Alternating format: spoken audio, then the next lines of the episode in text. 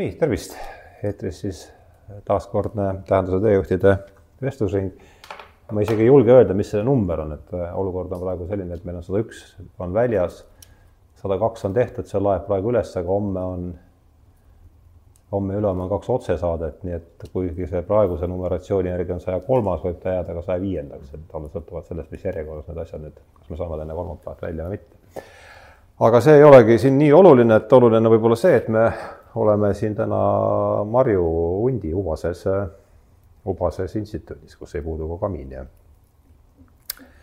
ja oleme siis siin kamina, kamina ääres istumas ja nagu ikka, kaks külalist. tere tulemast, Jaak Ikas. tere tulemast, Tanel Tammet. olete mõlemad ju teist korda, eks? ei, kolmandat, kolmandat, kaks korda käinud, jah? sa olid, eks ole, Mihkli ja, ja, ja Peeter Lauritsiga ja eelmine kord, esimene kord rääkisime David Boomist ja siis. Boomist ja siis rääkisime väljast. väljadest jah. ja sina olid kõigepealt Taarne Hiobiga. just.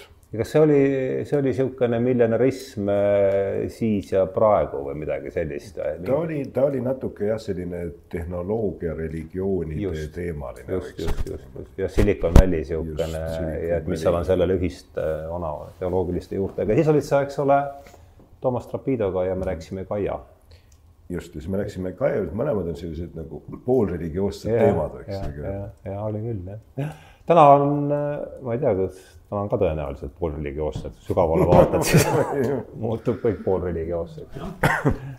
ega me religioonist pääse. ei pääse jah, aga saatel on siis küll ka oma eellugu ja see viib ikka, eks ole, see meil oli Peetriga saade ja siis ma pakkusin, et oli väljas, siis ma mõtlesin, mis võiks olla teine teema, mille ümber saaks juttu keerutada, pakkusin äh, Jaagule välja mõiste potentsiaal. et selle Aris... ma laitsin selle mõtte maha. ja, et see sul nagu ei haakunud ja pakkusid siis välja, et analoogne ja digitaalne töö pealkiri on selle saate sihuke, et no,, äh, et ole hea, räägi, miks, miks see, miks, miks sa sellise teema pakkusid välja või mis see, kuidas see? tähendab, miks äh, ja ma pidasin kohe ka Tanelit silmas ühe kõneleja, kõnelejana selles, selles teemas. sellepärast, et noh, tänapäeval on ju peaaegu kõik digitaalseks saamas või saanud, aga mida see tegelikult tähendab või, või, või, või kuhu see viia võib või, või, või, või kas see juba väga ammu ei ole tegelikult mingis plaanis alanud. ja noh, mulle lihtsalt tundus, et, et siin on siin on teemasid, mis võivad hargnema küll hakata mm -hmm., sealhulgas ka selles plaanis, tähendab, ma vaatasin selle teie saate Arne Hiobiga, kus mm -hmm. tehisintellekt oli ka mm -hmm. nagu üks märksõna. vaatasin selle ka läbi ja, ja sealt nagu, nagu jäi ka selliseid põnevaid, põnevaid asju või, või otsi õhku, millest võib-olla annaks edasi rääkida mm. -hmm. aga siis ähm katsume siis kuidagi vähemasti alguses ära piiritleda, mitte et peaks kramplikult hakkama siin defineerima asju, aga et vähemasti piiritleda asju, et mida me mõistame kõigepealt siis ana-, analoogse ja ja kõigepealt ja siis digitaalse all, et mul on endal ka paar vestluskatkendit eelnevatest saadetest jäänud, kus need teemad on üles kerkinud, aga aga võtame siit. ühes plaanis muidugi hoiatan, et meie oleme Taneliga mingis mõttes küllaltki ühe küla mehed mm -hmm.. seetõttu tähendab, meil võib-olla ei lähegi selliseks veriseks kiskumiseks. no see pole ka olnud eesmärgiks. üldiselt siin, siin ei ole see ka kombeks, eks ole, või teisipidi, kui läheb kiskumiseks, siis on mingitel väga spetsiifilistel. siis läheb eriti kirglikuks. aga eks sina, Hardo, siis katsud meid vajadusel provotseerida või, või vajadusel tagasi hoida. aga mm, jah, aga eks, eks, eks noh, kui digitaalsusest rääkida, eks ole, kust see, kust see tuleb. digitis on, on, on sõrm, eks ole, mis, mis, mis mingis mõttes. digitis on sõrm, jah? jah, mis mingis mõttes on, on isegi, isegi, isegi kummaline, sest kui me võtame ühe teise teise ka käega seotud märksõna, see on manuaalne, eks ole mm. -hmm. siis digitaalne on manuaalsusest kuidagi nagu tohutu kaugel. sinna vahele peale jääb veel võib-olla mingisugune mehaaniline, eks ole. aga kui manuaalne see oli kauge minevik, kui me käsitsi kõike tegime, siis, siis noh, tänapäev on digitaalne, aga, aga. see justkui vastanduks no, manuaalsele, eks. Need, need digitis tähendab, see on, on, on küll ladina sõna, eks ole, aga tegelikult ikkagi eh, tänu araablastele me sellest räägime, kes andsid meile need kümme, kümme, kümme numbrit ja eesti keeles tuleb just öelda numbrit mm. -hmm. Need on siis null, üks, kaks ja nii edasi kuni üheksa. ja, ja, ja, ja kui te ütlete millegi muu kohta number, no näiteks number kolmteist mm. -hmm siis kui Peeter Saari juhtub teie läheduses olema, te saate hirmsasti pahandada. mina olen saanud sellest koosa juba kellegi käest jah, et ja, ei tohi, ütle siin vales kohas äh, number või ajasid asju. nii et kolmteist siis koosneb kolmteist on arv, mis koosneb kahest numbrist. kahest numbrist. aga nüüd ma muidugi kiuslikult küsiksin, et kui sul on teistsugune aste kui kümme, et kuidas sa näiteks kuueteistkümnenda süsteemi asju, siis ütleme asju nimetad, et mis on kuueteistkümnenda süsteemi kolmteist? Pudenes no,, saatejuht pudenes maha praegu kas see on arv või number? aga siin me peame võib-olla neid, neid Äh, sümboleid siis lisama, tähendab mitte piirdujana enam nulli, vaid, vaid niimoodi, et, et, et igal, igale sellele kohale ikka vastaks oma, oma konkreetne sümbol. no just, aga, aga sellega me saame lõpmatusse minna, iga, iga arvuga me võime leida, võtta piisavalt suure arvusüsteemi ja ta muutub kohe üheks sümboliks kas ma saan nüüd õigesti aru, et äh, number on siis äh, arvu niisugune visuaalne sümbol või? see ma arvan, et no nii selle võimalik, juuldu, kuuldu põhjal ma võtaks. võimalik õigesti ega valesti aru saada, aga ma arvan, et, et nagu sina rääkisid, sa rõhutasid just sellist tähendust, et, et kui ütled number, siis mõtled noh, neid märke nullist üheksani, eks mm. -hmm. ja siis ma püüdsin natuke siia segadust tekitada, et, et see on ainult üks võimalik tähenduse variant, eks ole mm. -hmm. aga ma arvan, et see puudutab, see puudutab väga tugevasti ka ikkagi sedasama, et et mida see digitaalne ja värk tähendab, eks, mida me peaks natukene püüdma avada, ma arvan, et mm., et selgelt on, on küsimus, et on, on katkendlik ja pidev on teine mõistete komplekt, mis on ülisarnane ja.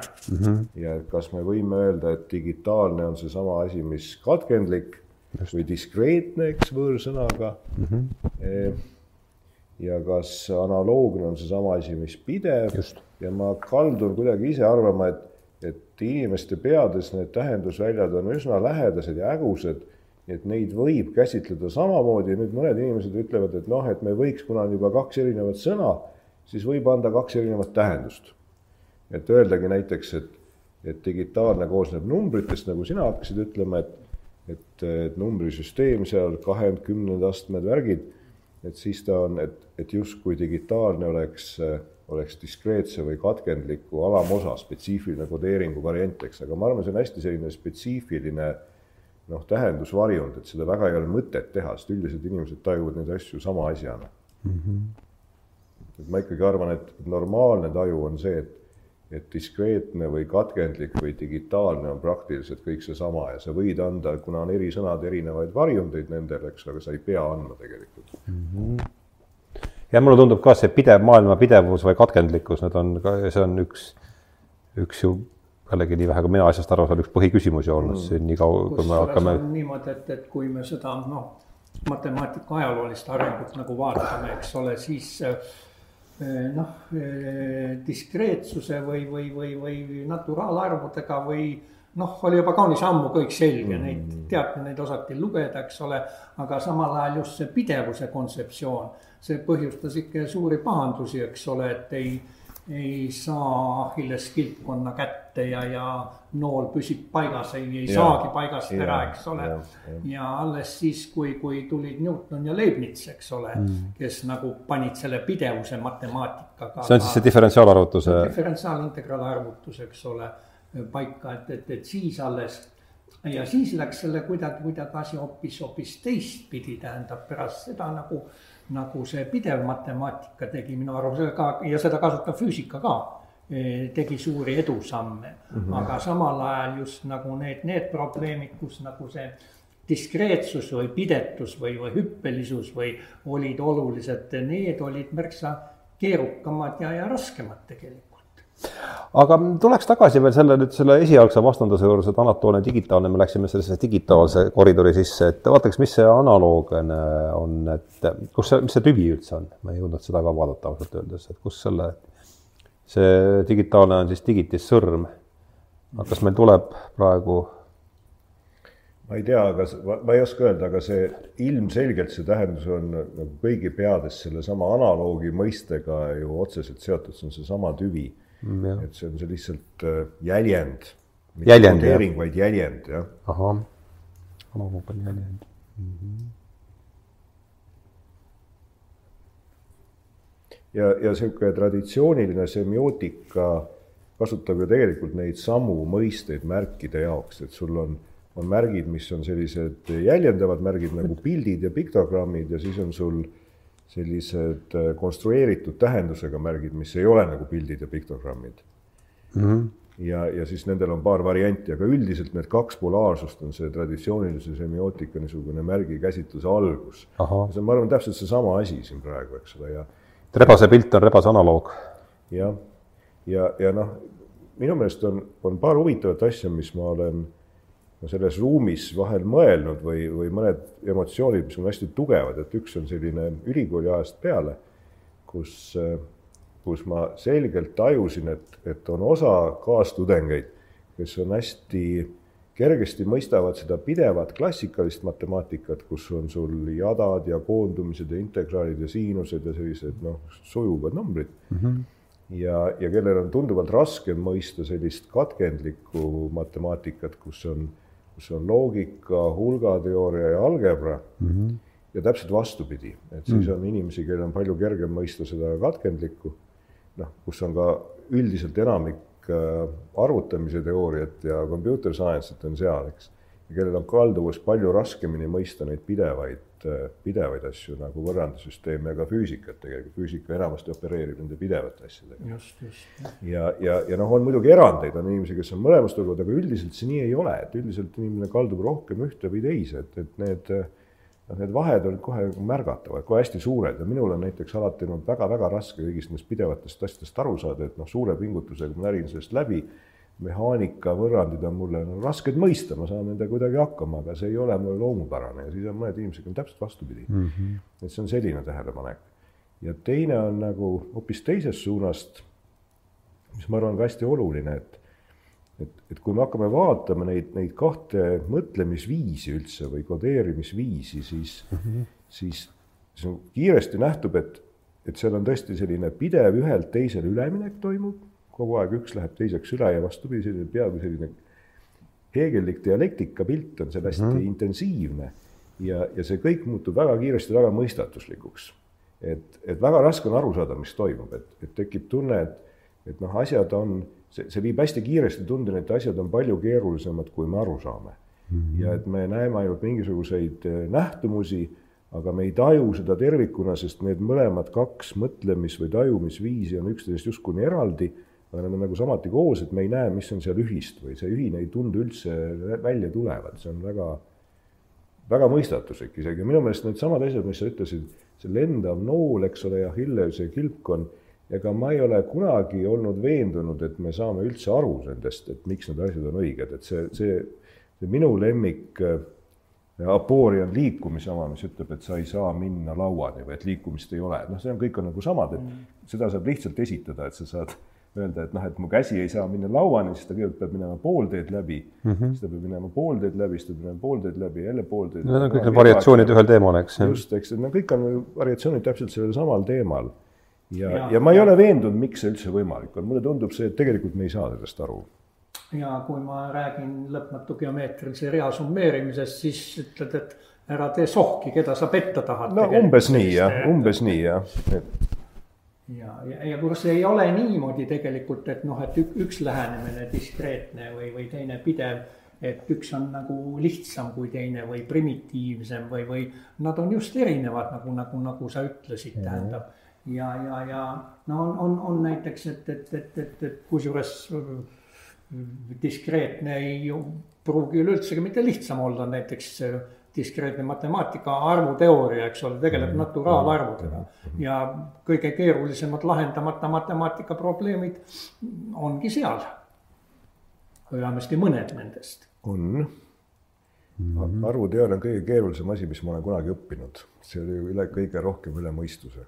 mis sa see nüüd keskmisele raadiokuulajale, kelle hulka kuulub ka saatejuht, et mis, mis on see probleemistik seal, ütleme, et nii palju, kui selles tava tava, et lihtsalt no, kõik natukene. on tohutult eksootiline asi, see ei ole selline, mida inimesed normaalselt kasutavad või õpivad, see on hästi-hästi eksootiline, aga see probleemistikku võib kirjeldada umbes nii, et noh, me saame lihtsalt aru, et et mingitel arvudel mingid omadused, et näiteks on paarisarvud ja paaritud, käivad seal vaheldumisi ja siis on algarvud, et noh, need, mida ei saa jagada teistega, neid tuleb nüüd üha vähem ja vähem, eks. ja siis taolist laadi mingite keeruliste omadustega arve on musttuhat, neid võib ise välja mõelda mm. -hmm ja see ruum on lõputult keeruline, kui sa püüad hakata näitama noh, mingisuguseid omadusi, et näiteks, et kas on nii, et ütleme hästi lihtne asi, et algarve on lõpmatult palju, selgub, see ei ole üldse lihtne, see on väga keeruline näidata. ja kui sa lähed mingite keeruliste asjade juurde, siis need matemaatikud hakkavad konstrueerima selliseid noh, nad ei tegele üldse arvudega, et see jutt käib justkui nagu nagu täisarvudest, aga nad tegelevad mingite ülikeeruliste konstrueeritud süsteemidega, et nad räägivad nendest ülikeerulistest konstrueeritud süsteemidest ja kasutavad nende analüüsiks veel keerulisemaid väljamõeldud süsteeme, mis ei üldse ei sarnane reaalsusega ja see kõik on kuidagi selleks, et mingite pärisarvude mingeid spetsiifilisi omadusi näidata, mis on noh, kõik on väga üle mõistuse.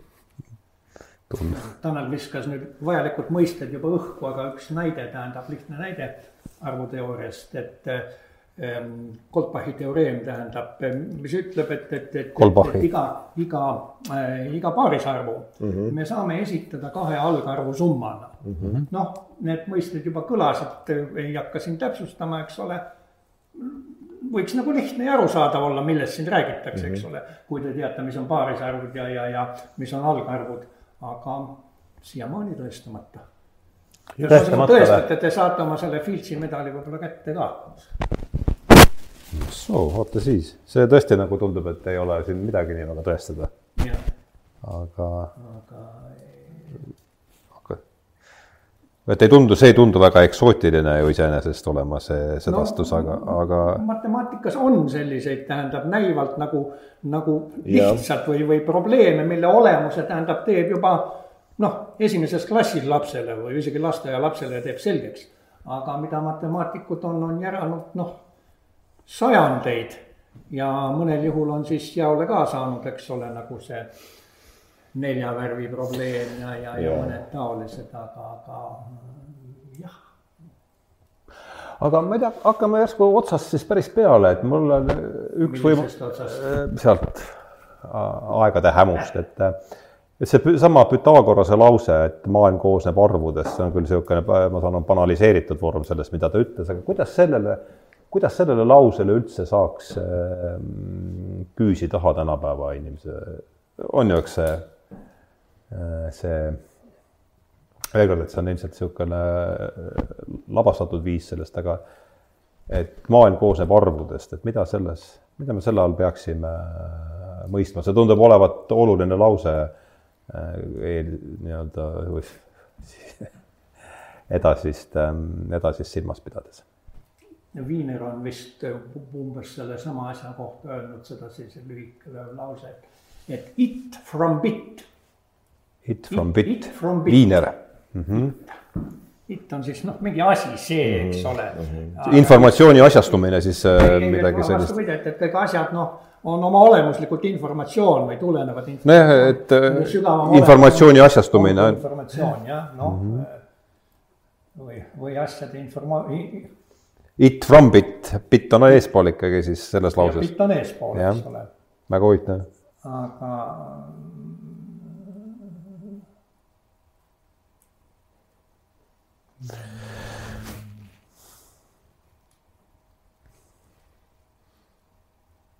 no, kui ma, kui ma ütlesin Viiner, siis ma pidin Viiler ütlema Viil, ah. Viiler. aa, see John Archibald või? vist küll, jah. ja, ja, ja tema on ju käinud läbi meil saat- mm., ei, sellest kirjutas temast kirjutas ju Laurjärv Viilerist Ja, ja, ja, ja, just. jah, just sealt käis jah, ja, ja Viiler oli see siis jah, ahah. Viiner oli ka väärt mees. ja ma just, oleks sama hästi sobinud temale suguse lause. aga ma, ei tea, mis äh, mõtteid see Pythagoras, Pythagorase sedastus? no ega me siin kõik ju ei tea, mis ta seal mõtles, aga see lihtsalt meenutab sellist äh, täitsa universaalset inimeste kalduvust mõelda, et et reaalsuse taga võiks olla mingisugune mingisugune tugevam reaalsus, millest see nähtav reaalsus justkui tuleneb ja kõik võivad seda interpreteerida omal moel, eks ole, sa võid seda interpreteerida ühte või teistmoodi teismi, religiooni või ka näiteks sellise simulatsiooni argumendina või niisuguse noh, ütleme üldistatud füüsikana või siis sellise evolutsioonilise taju vaatenurgast, et, et võib-olla me ei taju asju üldse objektiivselt, vaid ainult väga eh, väga evolutsiooniliselt kasulikul viisil, mis on võib-olla hoopis teistsugune kui objektiivne, et sa võid mis tahes suundades minna minema ja püüda öelda, et, et, et siin on kindlasti midagi taga ja ma arvan, et see ongi nii, aga meil on erakordselt raske aru saada, mis see on.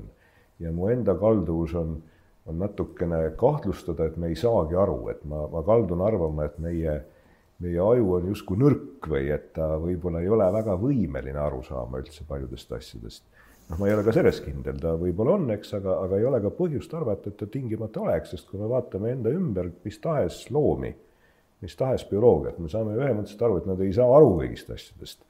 et noh, sipelgas ei saa peaaegu millestki aru, millest inimene saab ja hiir saab väga vähe ja, koer saab palju rohkem, eks ole, aga no ta ei saa ka aru näiteks sellest, et miks ta näiteks ta elab siin majas või kuidas see maja tekkis või et see on et see on, et inimesed on selle ehitanud, et see jääb talle ikkagi mõistetamatuks, ta tõesti mõtle selle peale. ja, ja nüüd noh, sellest analoogiast lähtudes tunduks justkui imelik arvata, et inimene on nüüd radi-, radikaalselt kõrgem. et noh, kristliku sõnumi järgi oleks inimene Jumala nägu, et siis ta saab, saab justkui kõigest aru võib-olla selles mõttes, aga ma ei ole väga veendunud selles. See on äh, huvitav analoogia või tähendab sellele väitele, et, et, et et kõik on informatsioon või kõikide taga on informatsioon. umbes sarnane väide on, mida on väidetud, et kõik on energia.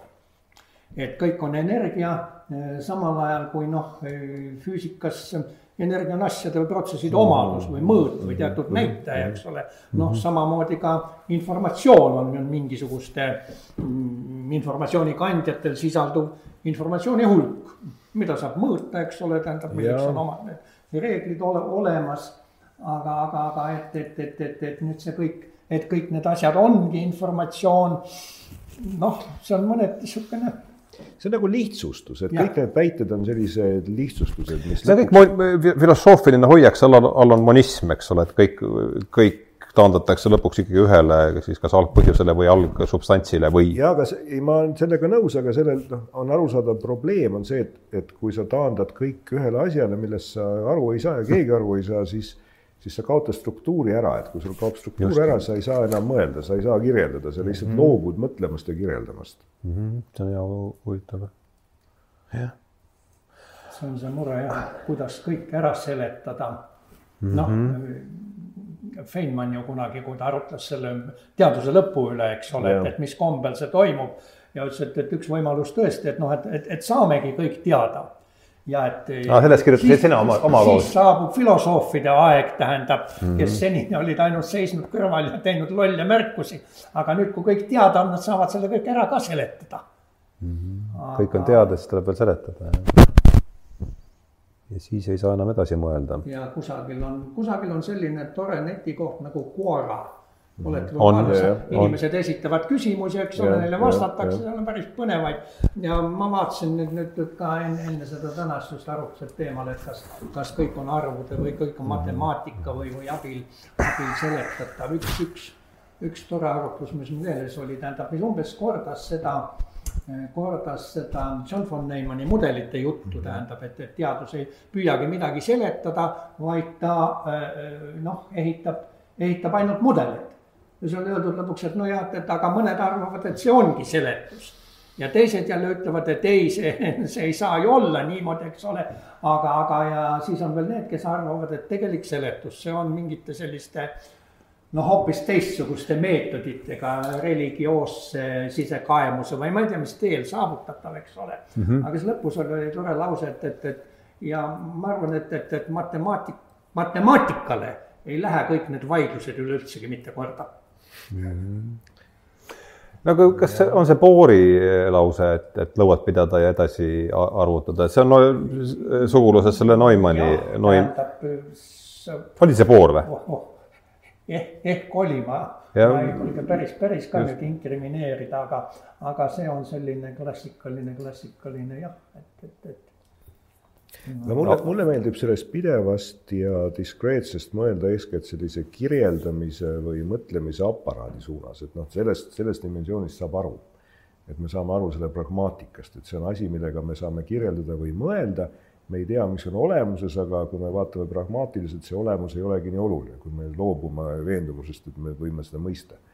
et, et, et see on, tekivad sellised toredad, toredad üleminekud, et, et näiteks, et et selge on see, et kui sa võtad mingi asja siin, selle tassi või selle la-, selle raamatu, eks, siis sa saad mõõta tema seal kõrgust, laiust, vaadata, kuidas ta pöörab, kukub, eks ole, siin on hästi palju selliseid pidevaid mehaanilisi parameetreid on, eks ju, mis on nagu täpsed. nüüd, kui me loobume nendest pidevatest mehaanilistest parameetritest, me saame sellise palju lihtsama pildi. ma kujutan ette, et siin füüsikule tundub see, et noh, kuidas sa siis nüüd väga ei mõõda, vaid ütled umbes, et on noh, väike, suur, kandiline, et sellised lihtsakoelised diskreetsed kirjeldused, et sa kaotad justkui nüansse ära, mis on selgelt õige. no teisest küljest, mis juhtub, on see, et, et kui sa neid äh, nüansse ära kaotad ja lähed, lähed kirjeldama lihtsalt asjade seoseid, selliseid lihtsakoe-, näiliselt lihtsakoelisi struktuurseid seoseid, et asjad on mingis seoses, üks on üleval, teine on all, see on küljes, see ei ole, see on suur, see on väike, siis sa saad äh, palju keerulisemaid süsteeme suudad kirjeldada et selliste sujuvate pidevate mõõtmistega me ühtegi keerulist süsteemi praktikas kirjeldada ei suuda. et me ei suuda näiteks noh, mõelda, et mismoodi arvutiprogramm töötab selliste temperatuuri ja pinge kõikumiste teemas, et sellist ei tule välja. ja, ja, ja selline diskreetne seoste kirjeldamise viis annab sulle võimaluse keerukat asja palju suurema sellise detailsusega kirjeldada, nii et siin tekivad jällegi sellised küsimused, et mida sa tahad kirjeldada, et mis sorti süsteem see on, ma arvan, jah. ja see kirjeldamine ei ole ju noh, kirjeldamise pärast, vaid selleks, et tast aru saada. kusjuures diskreetsus ei pruugi üleüldsegi mitte tähendada lihtsust või seda, et diskreetsed süsteemid nüüd käituvad kuidagi sedasi hästi lihtsalt ja, ja ettemääratult tähendab noh äh,, rakkautomaatid ja life, eks ole, ja üks, üks, üks algoritm, mis mulle kunagi, kui ma nägin esimest korda, sügavat muljet avaldas, see on see Christopher Langtoni eh, vipelgas või virtuaalne sipelgas või eks ole, see on selline mm. väikene elukas, tema liigub ruudulisel laual. Eh, see laua iga ruut võib olla must või valge ja eh, sipelgal on selline väga primitiivne mälu, ta mäletab, mis suunas ta tegi viimase käigu mm. -hmm. ja tema siis liigub sedasi, et, et, et igas uues ruudus, kuhu ta satub ta muudab ruuduvärvi vastupidiseks mm. -hmm. ja vastavalt sellele, mis värvi ta sealt ees leidis, muudab oma liikumise suunda. kas pöörab üheksakümmend kraadi vasakule või üheksakümmend kraadi paremale mm. -hmm. ja no laseme ta siis lahti, mis juhtub? tühjal laual laseme lahti mm. -hmm. umbes kümme tuhat sammu. ta joonistab mingit pseudokaootilist sigri-migri, mingisugune selline mm -hmm. mütakas kasvab mm. -hmm. ja siis ühel hetkel sealt serva pealt kusagilt, ta hakkab joonistama seda lõpmatusse kulgevat maanteed. selline väga määratud, määratud struktuuriga regulaarne struktuur, mis põhimõtteliselt, kui teil väli oleks lõpmata suur, noh, minul arvutusel muld oli tsüklisse keeratud. ütle palun veel, mis see otsingusõna on selle vipelega kohta, mis see lihtsalt märksõna? Christopher Langton Christopher Langton. Langton, virtual ant või? mul on muidugi hästi lõbus kuulata, vaata, kuidas sa, kuidas sa korduvalt ütled, et ega need diskreetsed asjad ei pruugigi nii lihtsad olla. et see justkui viitab, et sinu see loomulik eeldus on see, et diskreetsed asjad on lihtsad ja et need füüsika pidevad asjad on siis keerulised. nüüd, muidu sa nii ei ütleks. ja, ja nüüd, ja nüüd nüüd, nüüd iga sellise noh, ma arvan, peaaegu kõigi arvutiteadlaste standardpositsioon on täpselt vastupidine, et meie arvame, et, et, et arvutiprogrammid, hulgateooria, loogika, mis iganes selle asja ümber on, et need on need asjad, millega tegelikult saad asju kirjeldada, ehitada, teha, et see on see väärtus ja kõik need pidevad asjad on sellised noh, lihtsamate süsteemide kirjeldamiseks ja neidki tuleb tegelikult digitaalsena simuleerida. Et, et need vaatenurgad tegelikult, nende algpositsioonid on vastupidised täiesti. jah, see on väga võimalik, et see niimoodi on, ma ei taha tegelikult üleüldsegi mitte vastu mm, -hmm. vastu vaielda. aga see, nojah, simuleerimisega tegelikult ka, ka just sellel mm, arvutil simuleerimisega noh, Lorentz jõudis ju oma nende pidevate asjade juurest eh, veidrate attraktoriteni, eks ole.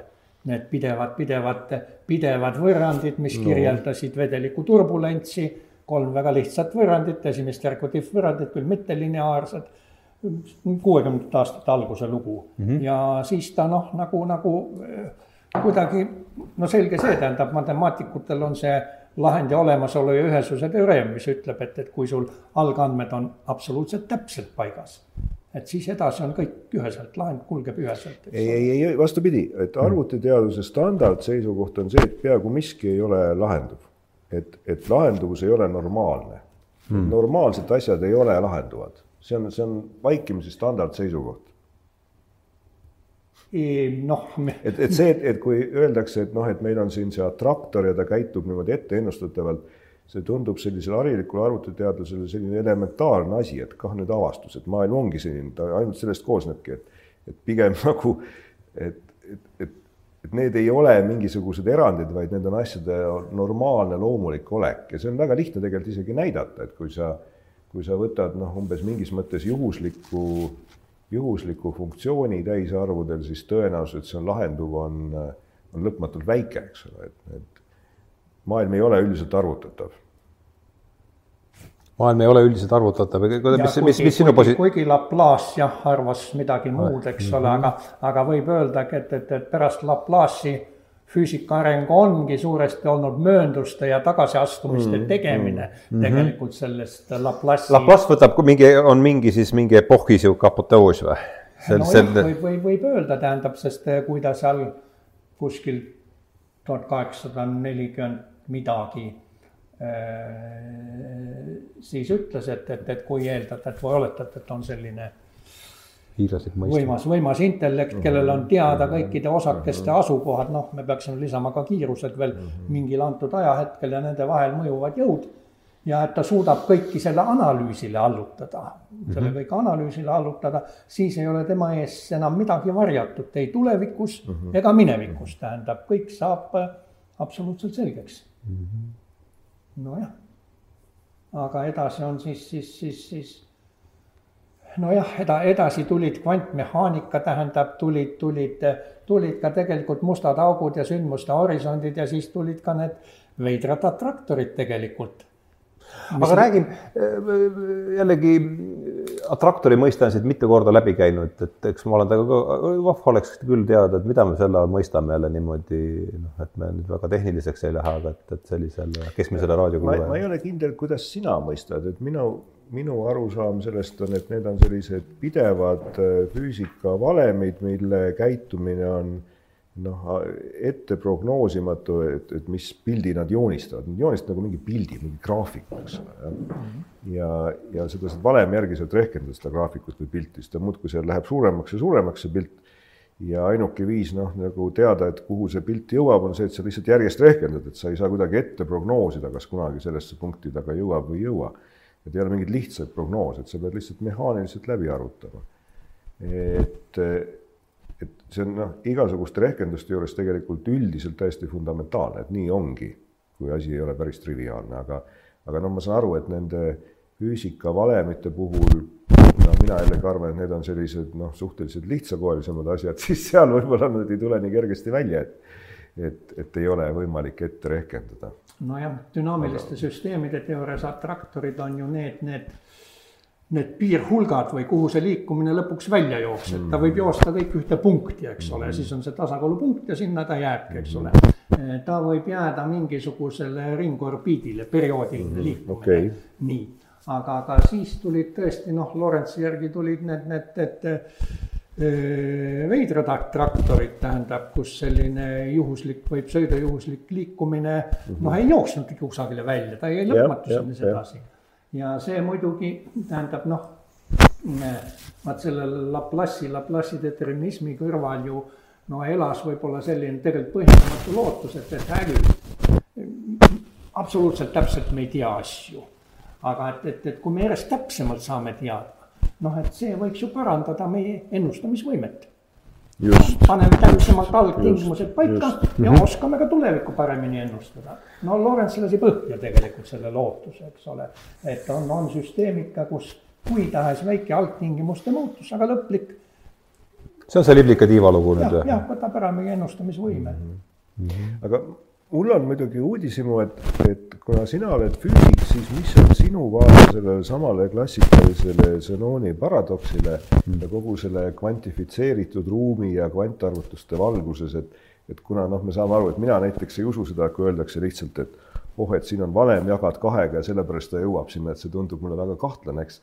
Et, et, et kuidas sa selgitaksid seda sellise fundamentaalsemalt, et kas sinu meelest oleks seda kvantifitseeritud ruumi seal vaja või mitte või mis sa ise arvad?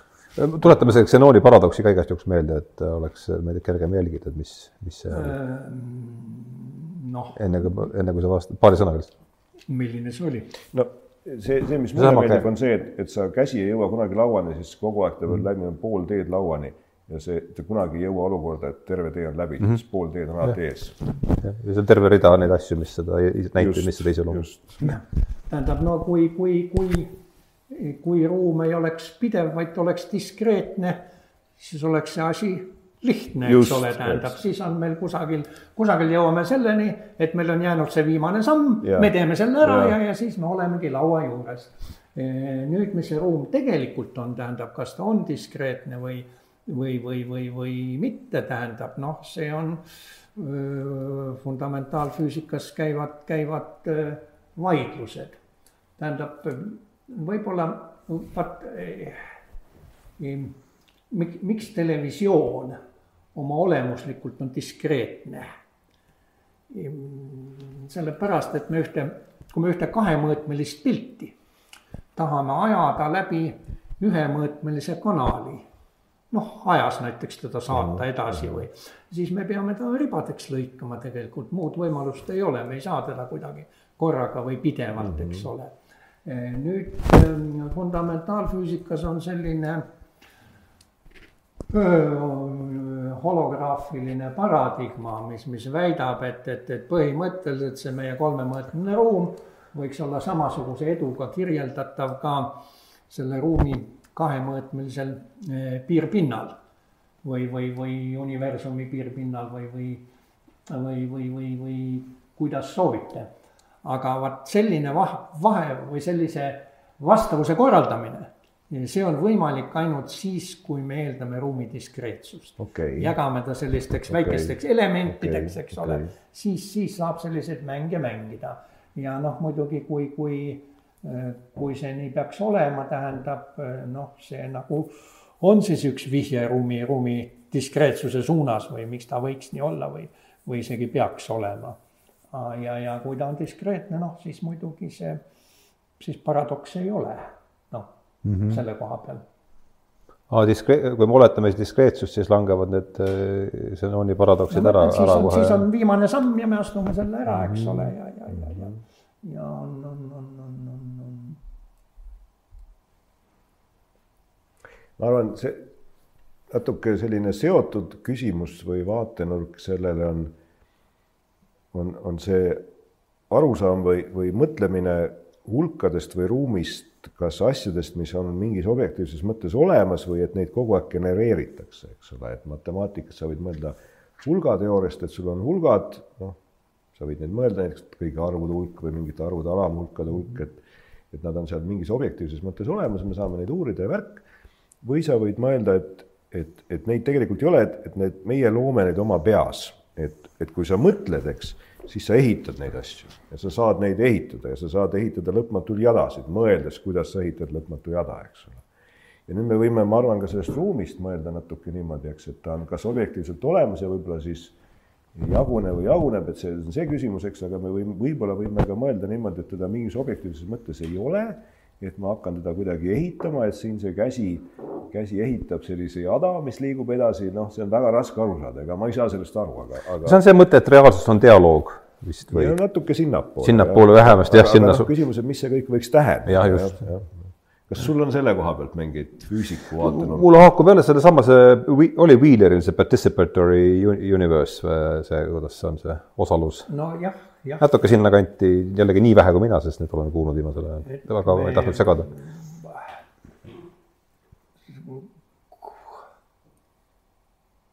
kuidas see oli, et, et, et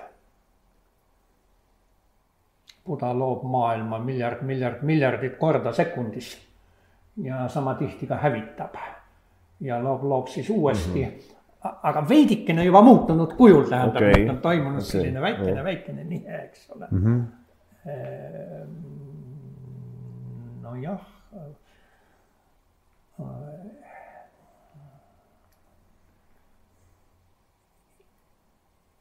No mina ei mõelnud mitte sellis-, sellises teistlikus võtmes, et terve maailm korraga seal miljard korda tuleb teha, vaid et et, et mingil moel võib-olla see ruum on, on nende asjadega, mis siin liiguvad, noh, mingis lihtsamas moes suhestuses, ma ei oska seda seletada, mida see võiks tähendada.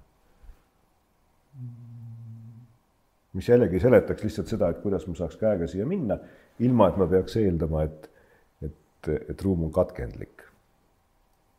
kui sa mõtled, et ruumi ei olegi, teda nagu ei olegi ette olemas, et ta hakkab genereeruma siin mingil moel siis, siis, siis see oleks see teine viis mõelda, see on see, mis on matemaatikas, on selline konstrueerimise või konstruktiivse matemaatika suund.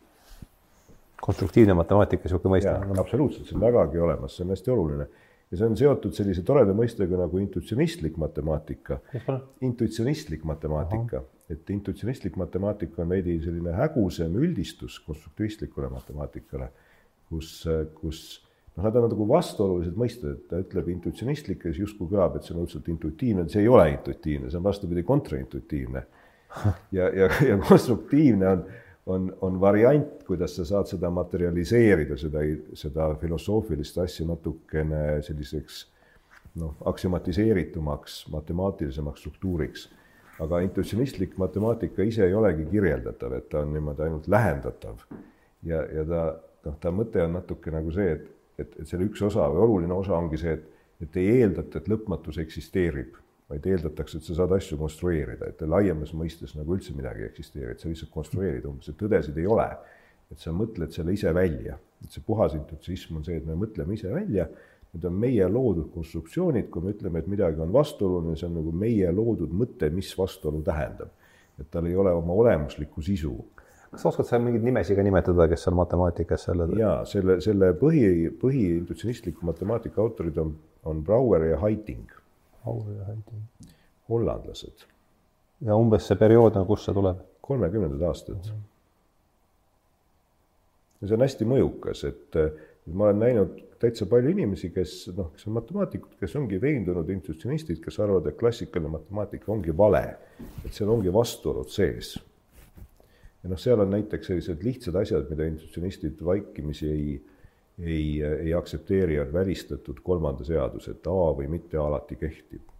samuti nad ei aktsepteeri seda, et eitus, eitus on jaatus. seda ka ei eita, seda ka ja seda ka. seda ka ja siis on neid asju veel, eks, aga need on ainult sellised noh, sellised väiksed lihtsad nüansid, aga see asi on suurem kui see. aga need on automaatselt väljas, samuti, samas nad ei ole vastuolulised. intuitsionist ei ütle, et on vale, et eitus, eitus on jaatus ta lihtsalt ei aktsepteeri seda aga see ei ole ka vale. et ja sellega on seotud selline mõiste nagu finitism, mis on ka hästi tihedalt seotud, et see on see, et, et sa ütled, et, et lõpmatuid asju ei ole, selline seisukoht. et me saame ainult konstrueerida üha pikemaid ja nagu pikemaid jadasid. me saame noh, et ei ole lõpmatult palju arve umbes, et me ütleme, et me võime neid konstrueerida, jah, väga hea, aga me ei saa eeldada, et neid on lõpmatult palju ja siis on radikaalsem viis on ultrafinitism, mis ütleb, et ka väga suuri arve ei ole, sest me neid ei suuda tegelikult konstrueerida. Et noh, ei jaksa, eks ole, et, et, et ei maksa eeldada, et nad üldse eksisteerivad. ja nüüd enamus matemaatikuid ei ole nendel positsioonidel, vaid on sellised platoonilistel positsioonidel, kes eeldavad, et on olemas selline abstraktne platooniline reaalsus, mida ei ole vaja Just. konstrueerida just, just see kõlab tuttavalt mulle. abstrakt, on olemas abstraktne platooniline reaalsus, mis haakub, mis haakub, eks ole, selle mõttega, mille ma tõmbasin siin ju jutumärgi et reaalsuse taga on tugevam reaalsus, see on see just, just, aga võib-olla on ka mõlemad. mis hakkab Pythagorasest ja Platonist õige, pihta, eks. aga paneme tähele, et ka sellel intuitsionistlikul või konstruktiivsel matemaatikal võib olla mingi tugevam reaalsus taga, see on lihtsalt teistmoodi, et me kumbadki mm -hmm. ei taju võib-olla. aga kas see kõige, mõte? kõige suuremad ja kõige väiksemad liikuva koma arvud ehk liikuva koma arvud, eks ole. noh, see on ju selle formaadiga paika pandud, eks ole. ja teisipidi noh, on, on, on ka need arvud, suured arvud, millel on mingisugune füüsikaline. mingi füüsikaline mõõde, just kümme astmel kaheksakümmend või üheksakümmend osakest universumis või, või, või seal on ka neil, neil veel suuremaid arve, tähendab need kümme astmel olid vist lausa mingid kümned tuhanded või need on erinevad need variandid, millistel universumi noh, stringiteoorias konstrueerida annaks või ju erinevad ja variandid. mingi mõte, eks ole. ja, ja need on, on noh, need on mm, jah mm,. aga jah. nüüd, nüüd mis, mis on minu enda selline praktiline kogemus, millega ma siin ise tegelen, kus see pidev ja diskreetne kogu aeg põkkuvad on see, et, et ma tegelen suhteliselt tükk aega sellise loogikapõhise tehisintellektiga, kus sa teed reegleid ja siis ehitad nendest järeldusi. ja see on puhas selline digitaalne või diskreetne asi, mingeid arve, mingit pidevust seal ei ole. ja nüüd, kui sinna püüda külge ehitada tõenäosusi, et sa ütled, et mingid reeglid on mingi tõenäosusega, noh, suurema või väiksemaga, tundub mm -hmm. väga loomulik mõte ja see tõenäosusteooria on ka väga ilusti arenenud, sellest on hästi palju teada, kuidas seal tõenäosusi saab rehkendada. selgub, et seda on erakordselt raske teha, et neid kahte asja ei saagi hästi kokku panna, et nende kokkupanek on alati selline suvaline, et sa ei saa loomu poolest panna kokku sellist pidevat tõenäosuslikku mõtlemist ja diskreetset loogikareeglite põhist mõtlemist, et sa saad seda teha, aga seal ei ole ühte õiget viisi, väga selgelt ei ole ühte õiget viisi kokku panna. ja, ja nüüd, kui sa lähed neid asju kokku panema, siis sa kaotad äkki ära korraga nii selle, selle loogika alused, selle baasi, noh, millest me teame, et me saame järeldada, seal on klassikalised teooriad ja kõik see matemaatika ja sa kaotad samas ära ka tõenäosuse mm. -hmm. ka seal, sealsed valemid ja asjad, kus me ütleme, et on mingid õiged asjad, mida me saame rehkendada, et me arvutame õige tõenäosuse, see läheb ka kaduma, mõlemad lähevad kaduma, sa satud sellise sümbioosiga pinda, kus sul ei ole sellist tugevat aluspõhja enam üldse. pind kaob ära, jah. sul kaob ära kogu selline selline teooria ja sulle jääb ainult pragmaatika, sa püüad mõelda, et, et mida me saaksime teha, millel oleks mingi ennustusväärtus või järeldusväärtus või otsustustegemise väärtus. teooria kaob ära ja pragmaatika jääb üksi õhku järgi mm. mis ei sobi üldse sellise normaalse teaduse põhimõtetega ja see on natuke kogu seesama asi igasuguses tehisintellektinduses, et mis iganes, noh, see on puhas tehisintellekti teema tegelikult, et et kui sa püüad automaatselt mingeid otsuseid teha ja siis püüad öelda, kas meil on mingisugune teooria, kuidas me neid otsuseid siin paremini teeme, et noh, mingisuguse ma ei tea, tõenäosusteooria või, või integraalide või järelduste järgi, siis niipea, kui sa võtad mingi teooria, siis su võime tohutult langeb, sa ei, sa ei saa. ja, ja kõik need asjad, mis annavad mingeid pragmaatilisi tulemusi, elavad ilma teooriateta puhtalt sellises eksperimentaalselt õhus.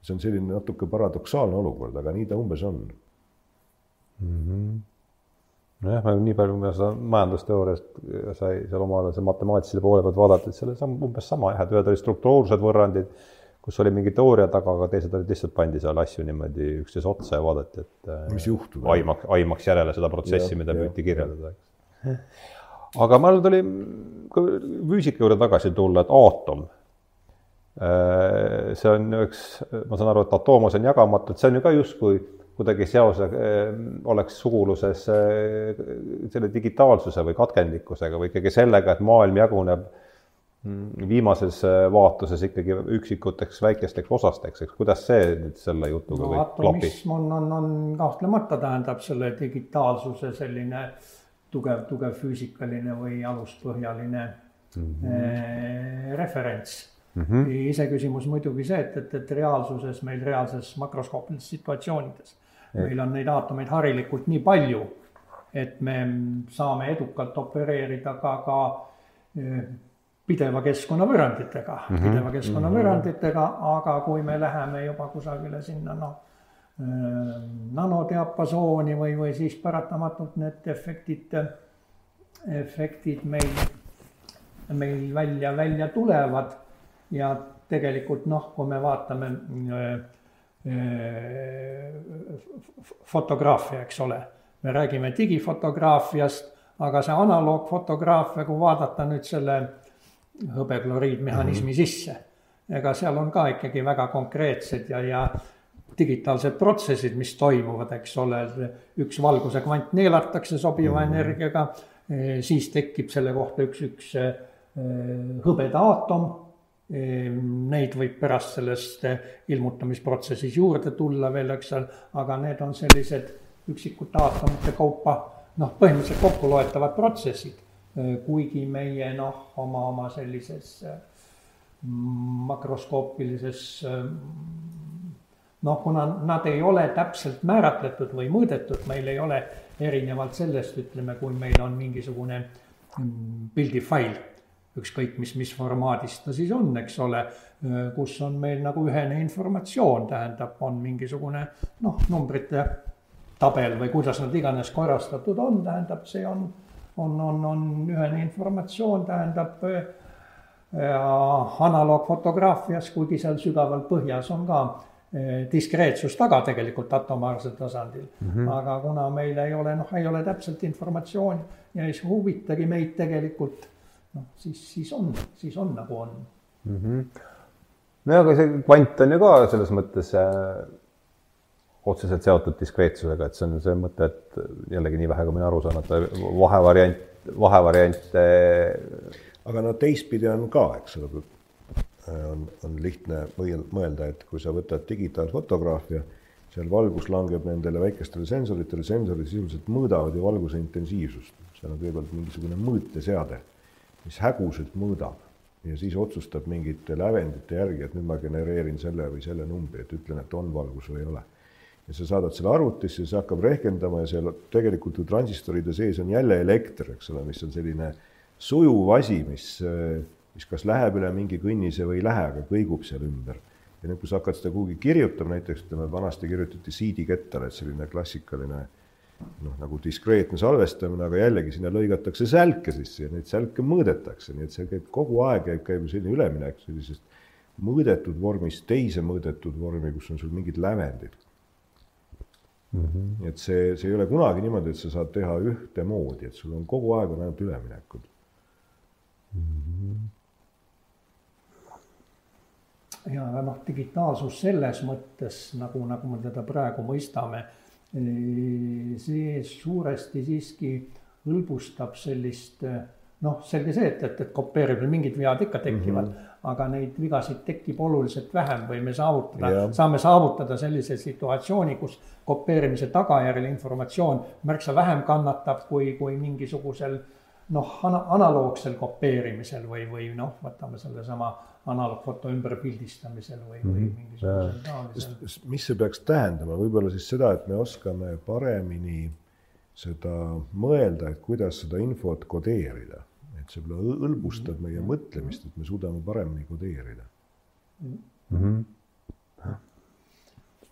mis tegelikult on vist ka niimoodi, eks ole, et, et see meie visuaalne nägemisaisting mm, -hmm. eks mhm. ole tegelikult see, see, see noh, silm ja need närvimehhanismid, nad, nad selle intensiivsuse, erineva intensiivsuse, nad kodeerivad tegelikult närviimpulsside sageduseks.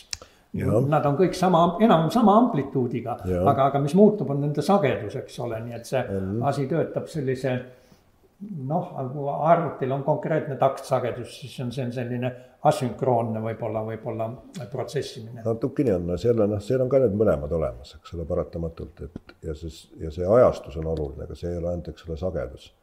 et, et need konkreetsed ajastused ja kui lähedal miski on ja kui palju on neid signaale, mis sisse tulevad, et seal on, väga raske on öelda, aga see on sul täpselt õigus, et et see ei ole selline pidev analoogne summeerimine, vaid, vaid ta käib sellise analoogse ja, ja, ja digitaalse sümbioosis ja keegi täpselt aru ei saa, aga üsna palju on sellest teada, eks ole mm, -hmm. aga noh, palju tähendab, et me ilmselt väga ei mõista mm, -hmm. aga, aga üht koma teist väikseid nüansse teame mm. -hmm. no kuidagi, ma ei tea, olen kuulanud teid ja on mul vaikselt läinud Galileo peale mõt-, mõt-, mõtted, et see, seesama lause, et kui ei ole teadus tegeleb mõõtmisega, kui midagi ei ole mõõdetav, siis tuleb ta mõõdetavaks teha, et seda võib pidada ka mingiks selliseks maailma hiiglastikuks digitaliseerimise äh, projektiks, mis, mis on jällegi nii vähe, kui mina sellest aru saan, praegu sellise teaduse, tänapäeva teaduse üks nurgakivisid, et kuidas, ma ei tea, kuidas lihtsalt konkreetset küsimust jällegi üles ei suuda praegu formuleerida, aga et lihtsalt viskaks selle Galileo teema siia sisse, et, et noh, sa küll ütlesid juba siin, mis ühes kohas, et Tanel, et, et maailm ei ole arvutatav, et see justkui, see justkui juba annab mingi, mingi seisukoha, aga, aga jah, et Galileo ja maailma arvutatavus ja mõõdetavus ja, ja, ja maailma väljendamine arvude kaudu ja kuidas, kas sa oskad sa siin kuidagi haakuda selle, veel, veel kord, ma ei, siin käigult ei suuda täpselt küsimust formuleerida, lihtsalt piiritlen mingi sellise. Et, et arvutatavus ja mõõdetavus, eks, mis on noh. no kaks erinevat asja. minu ettekujutuse järgi just, et, et füüsikas justkui mõõtmine on ees ja arvutamine on järel, et sa mm -hmm. mõõdad ja siis, kui sul on mingi hüpotees, et kuidas sa noh, kuidas asjad peaks käituma mingite valemite või mehhanismide järgi, siis sa saad neid arvutada ja nüüd ma, ma, nii palju, kui ma aru saan, siis vist see mõõdetavus on ju ka asi, mida, mida ei saa tegelikult teha, et see vist on selle kvantfüüsika üks fundamentaalne no, avastus, eks ole. et, et sa ei saa ka mõõta ja nüüd see arvutamise. maailm ei ole ka mõõdetav. jah, et, et sa ei saa ka arvutada. et igasugune mõõtmine nagu rikub või mõjutab protsessi, eks ole mm -hmm., seetõttu. aga jah aga see on mingi, mingi täpsuseni me saame kõik aru, eks ole, et Galileo mõttes, kui sa vaatad seal eh, teleskoobiga seal neid eh, planeete ja värke, siis noh, see ilmselt mõjutab, kui sa neid vaatad, aga ilmselt väga vähe. et, et noh, see, see ei ole nüüd mingi takistus. et saab küll väga edukalt vaadata ja mõõta selles tähenduses. kui sa lähed nüüd väga väikseks, siis sa äkki ei saa, aga seal jällegi noh, vist on kogu aeg see, et et me ei, ei saa aru, kuidas need kaks asja suhestuvad, eks ole, kogu see makromaailm, kus see klassikaline füüsika justkui töötab ja siis see mikromaailm, kus see mõõtmine enam ei tööta. see on natuke sarnane sellesama asjaga, mis ma rääkisin sellest tehisintellekti reegli ja tõenäosuste värgist. et sa ei suuda neid asju hästi kokku panna, nad ei lähe loomupäraselt kokku. ja, ja füüsikutel on minu meelest täpselt analoogiline probleem, et see, see suur Äh, relativistlik maailm nende suurte tähtede ja värkidega, et see ei lähe hästi kokku selle, selle kvantfüüsikaga nagu sarnasel viisil, et kui sa neid kokku üritad panna, siis need teooriad kaovad sealt tagant ära, et sul ei ole enam nagu millelegi toetuda äkki. nii, et mulle tundub, et mingi analoogia seal on ja ma arvan, et seal on mingi ühine põhjus võib-olla. aga ma ei tea, mis see võiks olla.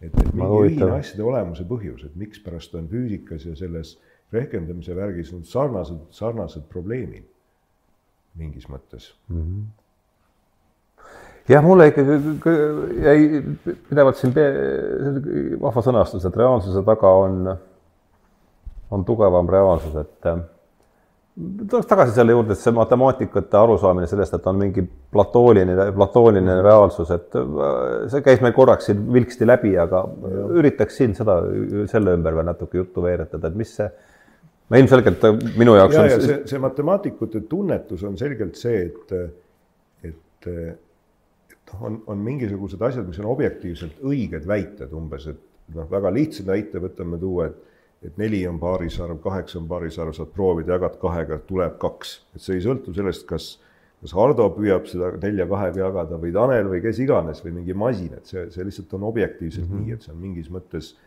asjade olemuses et, et see on nüüd see, see, see platooniline tunnetus ja nüüd sealt noh, me saame aru, et sealt läheb nagu kohe edasi keeruliste asjade juurde, me ütleme, et kõigi asjadega on võib-olla niimoodi, et et objektiivselt ongi mingisugused asjad õiged või ei ole.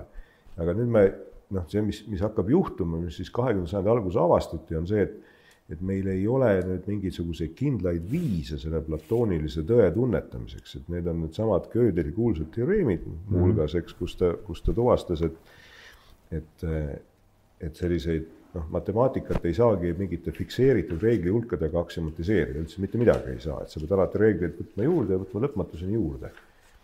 ja, ja ei olegi mingit kindlat, kindlat fikseeritud suurusega alust nendel, nendel teadmistel nii et, nii et seal plato- ja Gödel ise oli puhas veendunud platonist, et tema oli täiesti veendunud, et noh, et, et reaalne tõde või reaalsed asjad on, eksisteerivad sõltumatult meie arvamusest. Ta oli peaaegu teist, aga ma, seda on väga raske öelda, mis ta täpselt vaatenurgad olid, aga ta oli kindlasti platonist mm. -hmm. ja nii et, nii et ta uskus, et need asjad on, aga et meil ei ole selgeid viise olla veendunud, et kuidas need asjad on. et justkui et see matemaatiline tõde on väga halvasti tunnetatav, ta ei ole üldse mitte tunnetatav, noh, kui me siin tahame tuvastada, kas neli või kaheksa on paaris arvud, tundub, et saame väga selgelt aru, eks ole, et noh, et ei ole väga kahtlust, et see on nii selge, kui veel saab olla. aga kui sa lähed vaikselt keerulisemaks ja keerulisemaks, siis see tunnetus hakkab ära kaduma, see intuitsioon hakkab ära kaduma. aga see olemus jääb justkui samamoodi, et ta on samamoodi tõde või ei ole, eks ole, aga meie mm -hmm. võime tajuda kaob ära ja seal ei ole nüüd selget noh, piiri näha, et see on kuidagi seesama teema natukene, et et miks me saame paremini aru kui sipelgad, aga võib-olla mitte palju, mitte nagu lõpmatult hästi mm. -hmm. ja, ja nüüd, nüüd see mitteplatooniline vaade ütleb, eks, mis on see intuitsionistide või konstruktiivse matemaatika vaade, ütleb pigem sellist, sellist vaatenurka, et et, et kogu seda, seda taga seal ei ole, et see on, see on noh, võib-olla midagi muud, aga matemaatikat ei ole, et see on meie enda välja mõeldud stuff umbes nagu nagu, nagu, nagu see keel, eks ole, et meil on siin eestikeelsed laused, et noh, ta on selles mõttes olemas, et need siin on, eks, aga nad on ainult sellepärast, et inimesed nad siia kirjutasid. et mingit mm -hmm. muud, muud põhjust nende olemasoluks ei ole. jah, mul tuleb meelde oma sõbra, kadunud sõbra Andres Vanapa. ma ei tea, kuidas ta seda lauset alga alustas täpselt, et ma et kas sa tead, aeg-ajalt ta viskas selliseid, äh, pärast vaikust viskas mingeid selliseid küsimusi, kas sa tead, mis matemaatikal viga on või, see ei olnud päris niimoodi mm, -hmm. et siis et mina muidugi ei teadnud ja kuulasin, kuidas poeet oma lauset jätkab see inimene on selle välja mõelnud mm. -hmm. no tema, see on täpselt intuitsionistide seisukoht. tema on, tema on intuitsionist siis ja see, see, need ei ole plat-, platonistid ütleksid, et see on objektiivne reaalsus, mis on täpselt. Äh, väljaspool. see on äh, objektiivne reaalsus, mida me niimoodi puudulikult tunnetame, saame läheneda sellele mm. -hmm nii et Vanapa seisukoht oli siis selles küsimuses intuitsionistlik, see haakub tema üldise sellise olemusega päris hästi. ole hea. aga mis matemaatikal viga on või tähendab. ja vist oli jah, millest see ei ole mitte, mitte selle kohta, pigem pigem noh, vaatluse ja selle tulemuste interpreteerimise kohta see, see lihtne ja lõbus lugu, eks ole, et, et on üks, üks, üks maja, kuhu läheb kaks inimest sisse ja kolm tulevad välja. Et kuidas nüüd erinevad teadused interpreteerivad seda nähtust, no see on vaatluslik. ja, ja see nii räägi. bioloogil on asi lihtne, nad ütlevad, toimus bioloogiline paljunemine. füüsikud sügavad veidike kukalt ja arvavad, et küllap on mõõtmisveaga tegemist aga matemaatikute vastus meeldib mulle kõige rohkem, nad ütlevad, et kui sinna majja nüüd veel üks inimene sisse läheb, siis ei ole seal ühtegi inimest. jah, aga noh, tegelikult tähendab see arv, arvu mõiste areng on ju sedapidi käinud, et, et, et, et järjest on noh, mingisuguseid operatsioone, mis ütleme, naturaalarvude hulgal olid võimatud mm. -hmm. on seda siiski nii laiendatud, need osutusid võimatuks mm, -hmm. võimalikuks. võeti negatiivsed arvud kasutusele, eks ole. millest me äsja rääkisime. võeti murdarvud kasutusele. Kas sa tead, kes võttis esimesena murdarvud kasutusele? ei julge öelda. ma arvan, et Kreutzwaldi kaval rehepapp. Te mäletate seda lugu, eks ole, kus seal kusagil keldris oli üks suur rahunik, mis oli vaja lugeda pooleks ja, ja paljud olid ebaõnnestunult elu kaotanud. aga julge rehepapp tähendab, hakkas lugema, aga jõudis siis selleni, et ühesugune münt ühte ja teise hunnikusse, üks munt, münt jäi üle. Aga tal oli nuga kaasas, ta pani selle, lõi selle pooleks. pani siis kummagi hunniku peale ja oligi õige mees. oligi õige mees, tähendab, aga noh, sedasi oli siis see arvude poolitamine ka nagu.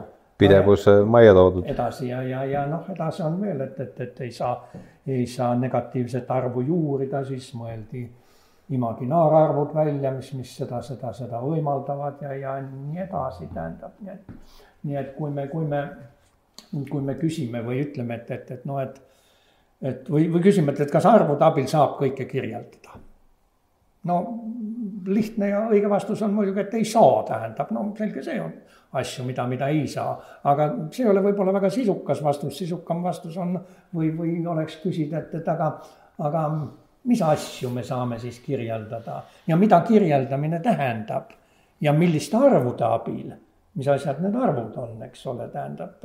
ja siin on noh, sellise üldsõnalise noh, eitamise või tagasitõrjumise asemel siin on noh, matemaatikud on asju nagu arendanud nii kaugele, et, et, et, et saab arvude abil kirjeldada ka asju, mis, mis noh, mõnda aega tagasi nagu, nagu võimatuna tundusid.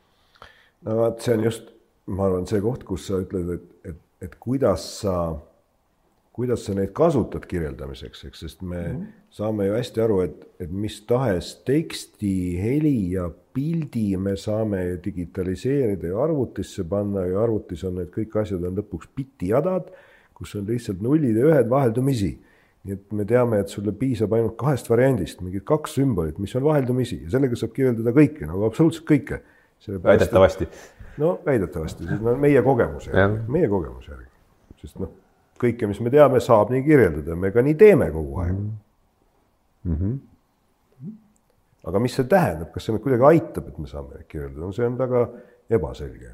ja siin, siin tekib üks tehniline probleem tegelikult, mis seisneb selles, et kui ma, kui ma leian kusagilt mingisuguse vanaaegset teksti, noh, kas kivi või savitahvli, kus iganes, mhm. tähendab, ma ma ei pruugi mõista, mis sinna on kirjutatud, ma ei suuda seda desifreerida, aga ma näen, tähendab, ma saan teda kasvõi üks-üheselt kopeerida, eks ole mm, -hmm. ma saan, aga, aga mõnel moodsal infokandjal olevaid asju, mul ei pruugi lihtsalt olla ja. neid tehnilisi vahendeid enam, nagu see lugu oli nende Apollo videolintidega mm, -hmm. eks ole, mis olid nagu ära kadunud tükk aega. ja siis, kui nad kusagilt uuesti välja tulid, siis selgus, et ei ole, peaaegu ei olegi enam selliseid mhm. seadmeid, mis suudaksid neid välja lugeda, nii et see, see sellise digitaalse kontinuiteedi probleem on, tehniline on, on olemas kahtlemata mm. -hmm ja ma hakkasin mõtlema nüüd ikka sellesama Galileo ja kogu selle, kõige selle äh, analoogilise digitaalse peale, vaatame sedasama raamatut, et üks võimalus seda kirjeldada on öelda, et on tegemist, äh, mis see on? ristkülik ruumis on, kuidas me teda nimetame, mul ei tulegi praegu ette. Mis äh, nelinurk, nelinurkne objekt, mõõdud on sellised. no ja siis me võime sealt edasi minna, no me võime öelda, ta koosneb, koosneb seal äh, keemilistest elementidest ja neid saab seal kuidagi kindlasti panna numbreid külge, aga teine võimalus on joonistada sellest, teha sellest samast raamatust äh, maal. Ja, ja see omakorda viib mu tagasi seal, ikka kuidagi see Platon käib mul siin niimoodi kuklas, et, et tuleb meelde Platoni kunstiteooria, et, et äh, Platon ütles siis seda, et et kuivõrd see raamat on niikuinii Äh, raamatu vormi hale koopia, siis kui ma tast nüüd veel maali joonistan, siis see on veel selle tegeliku raamatu veel haledam koopia, nii et et ikkagi tegelik äh, raamat on äh, see, mis koosneb, ma ei tea siis millest. ikka seesama raamatu vorm, mis on siis kusagil seal, kus ta siis täpselt on, Türist, Türist kaugel. me oleme seda raamatut siin juba palju sedasi anonüümselt lehvitanud, tähendab võib-olla siis ütleme ka, mis raamat ta on ja, selline. see on Jakob Kabovitši Arvudeta matemaatika, Kabovitš, Tartu matemaatik. hiljem, hiljem, hiljem läinud Saksamaale, no nüüd surnud juba tegelikult mm. -hmm. aga, aga tema on siis sellise, sellise raamatu jah kirjutanud. siin sees on muideks Tõnis Vindi illustratsioonid. mainisid jah? jah, nii et, nii et aga, aga jah Kabovitšit seal Saksamaal ma korra isegi kohtasin, see oli, oli just see aeg, kui, kui kukkus Berliini müür mm. -hmm. ja siis, siis noh, ta oli selline väga-väga särav isiksus muuseas tutvustas uhkusega oma selle vodkapudelite kollektsiooni, mida ta ütles, et ta oli just siis, kui Gorbatšov tõi oma selle kuiva seaduse, eks ole, siis hakanud, hakanud koguma. Aga ta oli, oli jah, selline, tähendab siin, siin raamatus on, on õige palju, õige palju huvitavat, noh. ja no matemaatikaga on selline huvitav asi, eks ole, et, et siin on ka öeldud, see on sissejuhatus kaasaegsesse matemaatikasse no mm -hmm. vot, mis, mis on matemaatikas, mis on matemaatikas kaasaeg, eks ole, sest eh, see, mida kooli matemaatikas õpetatakse, noh, see on, on, on ikka parimal juhul paari sajandi tegelikult veel, veelgi varasem, varasem matemaatika füüsikad on püüdnud kuidagi kangelaslikult pea kuni viimase päevani neid asju välja vedada, aga, aga see on ka küllaltki selliseks kirjelduslikuks juba jäänud, mitte, mitte enam. no isegi ülikoolis õpetatakse ikkagi enamasti paarsada aastat vana matemaatikat. no jah, jah, jah, jah, jah. see on normaalne. sest äh....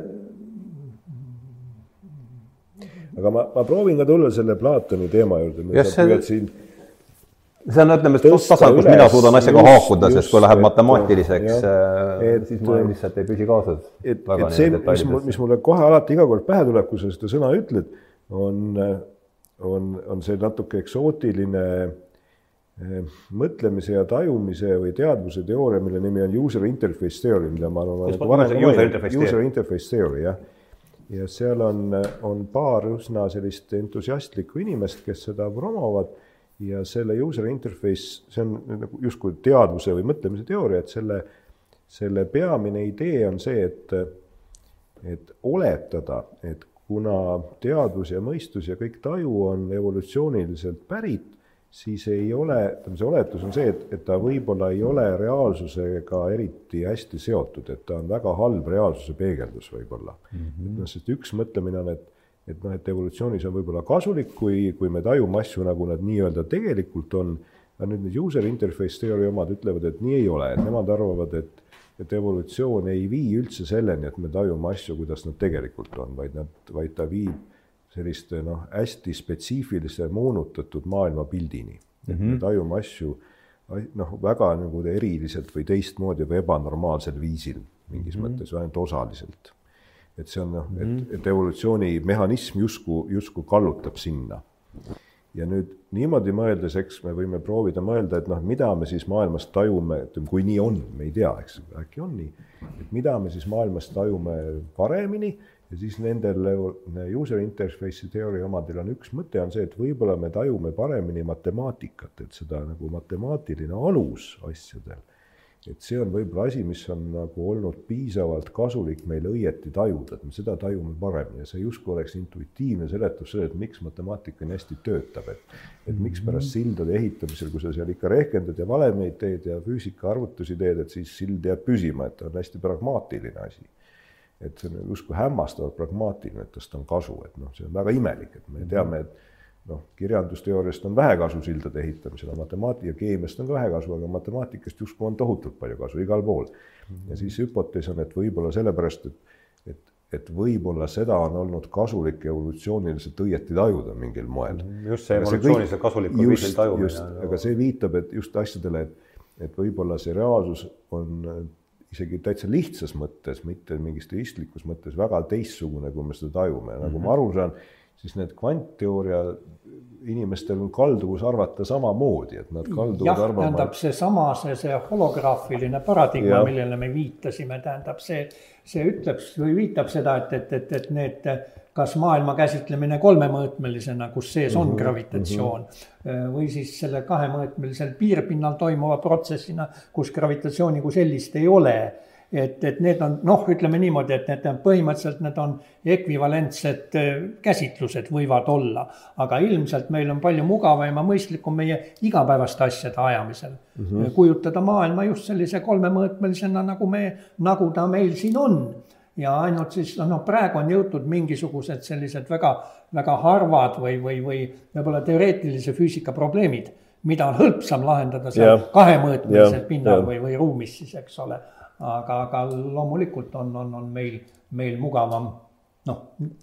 kasutada seda mudelit. kas seda mudelit või, või millega me harjunud oleme ja mis, mis töötab mm. -hmm. et mul oli nüüd ah,, see, mis sa rääkisid sellest evolutsioonist kasulikul viisil tajumisest ja noh, jällegi minu väga piiratud lugemise baasil, see haakub ikka otseselt sellesama noh, Bergsoni lausega, mida ma olen siin ka korduvalt tsiteerinud, et meie, tema ütleb, et meie mõte on valatud meie teo valuvormi või midagi sellist, et ikkagi kõigepealt me üritame midagi haarata ja siis, ja, ja, ja siis ja. tuleb kõik kogu see tuleb kogu see muu asi järele. jah, see ka täiesti selline harilik ajuteadvuse standard baasarvamus on see, et, et aju põhifunktsioon on tegutsemine, eks. Et see on see, milleks ta on tehtud ja ta on tegutsemiseks ka ikkagi väga konkreetses suunas mm. -hmm. ainult evolutsiooniliselt kasulikud teod on mõttekad. me ikkagi näeme maailma läbi sihiku. jah, väga selle... konkreetse etteantud sihiku. jah, jah sest teie saatest Arne Hiobiga jäi mul see mõttearendus ikka meelde, et, et, et et suu põhifunktsioon on nagu söömine mm. -hmm. ja, ja, ja sellest, sellest aega üle, mis iganes põhjustel, no siis. viimasel ajal tuli kõne ja kõik muud asjad. jah. Mhm aga noh, see nüüd ei, otseselt ei haaku, see tähendab, võib-olla haakub otseselt, enne ju, kui pole küsinud, ei tea, et aga kasutades juhust, et on kaks haritud, selles vallas haritud vestluskaaslast, et mida, mis asja ajasid eh, Russell ja, ja, ja Whitehead oma selles eh, matemaatika printsiipides, kui seda on võimalik niimoodi, sest noh, Whitehead on mulle pikalt eh, pakkunud huvi ja mm, -hmm. ja mulle tundub, et tema ja Russelli selline vastandumine on ka noh, põnev, mida tahaks et võib-olla saan siit mingi uue niidi lihtsalt järgnevateks saadeteks, et seda oleks lihtsalt huvitav äh, täita see lünk oma hariduses, kui on niisugune suurepärane võimalus. küll ootavalt Taneli otsa. seal on no nagu, nagu ikka, et nad ajasid mitut asja, aga ma ütleks, et, et kaks põhilist asja, mis ma arvan, mis nad ajasid, oli mm, -hmm. üks oli see, et, et see eh, loogikateadus oli värskelt sündimas sel ajal. et oli ju mitu tuhat aastat olnud selline Kreeka aristotelik loogika, kus peaaegu üldse mingeid arenguid ei olnud ja siis nagu vestluskaaslane ka ütles, siin üheksateistkümnenda sajandi lõpus hakkasid esimesed arengud alles tekkima, et on väga uus teadus. ja see sats, eks ole. no enne, eks ole, olid need lausarvutuse vennad, Boole ja, ja De Morgan ja siis tuli kohe Frege ja, ja noh, selline värskelt tekkinud teadus, et see on isegi väga mhm. üllatav, et, et noh, ta on lihtne asi iseenesest justkui, aga keegi ei suutnud seda teha et Leibniz täiesti püüdis, ta spetsiaalselt püüdis välja mõelda sellist, äh, seda loogikavärki, noh, olles väga nutikas mees, aga tal ei tulnud ka välja. ja, ja siis, siis hakkas see äkki välja tulema ja, ja nüüd Russell ja Whitehead äh, ehitasid selle Frege algul loodud vundamendi peale, uue vundamendi peale nüüd sellise korraliku tõsisema teooria, see oli nagu üks suund, et nad ehitasid seda üles. Frege peale siis. ehitasid Frege peale üles, eks mm, -hmm. ja teine suund on see konkreetne projekt, mis neil oli mis tuleb ka sellest matemaatika aluste asjast, et, et, et need hulgateooria leiutajad avastasid ju paradoksid, et, et matemaatikas on lihtne tekitada paradoks, et sa võidki valesti mõelda. et niipea, kui sa hakkad mõtlema lõpmatute hulkade erinevatest omadustest, on väga lihtne minna libedale teele ja jõuda täiesti valede vastuoluste tulemusteni ja, ja kogu see matemaatika aluste pind muutus äkki ebakindlaks ja siis oli erinevaid viisid, kuidas inimesed püüdsid seda alusel, noh, aluseid tugevamaks teha mm. -hmm. üks oli seesama intuitsionism, mis ma rääkisin, et, et see oli mõte mm -hmm. alust tugevamaks teha, et vältida paradokse, see on üks viis paradokse vältida. see oli ka üks põhjus, miks nad seda tegid. ja nüüd Russell ja Whitehead püüdsid ehitada teist viisi paradokside vältimiseks, nad mõtlesid välja sellise tüüpide teooria, kus sul on nagu tüübid ja siis tüüpide hierarhiad ja et ei saaks olla noh, selliseid paradoksaalseid valesid tulemusi teha sellist alust, et see oli korraga nagu see Frege peale ehitatud matemaatika tüüpide teooria alus. mitu asja korraga justkui, mis nad tegid mm. -hmm.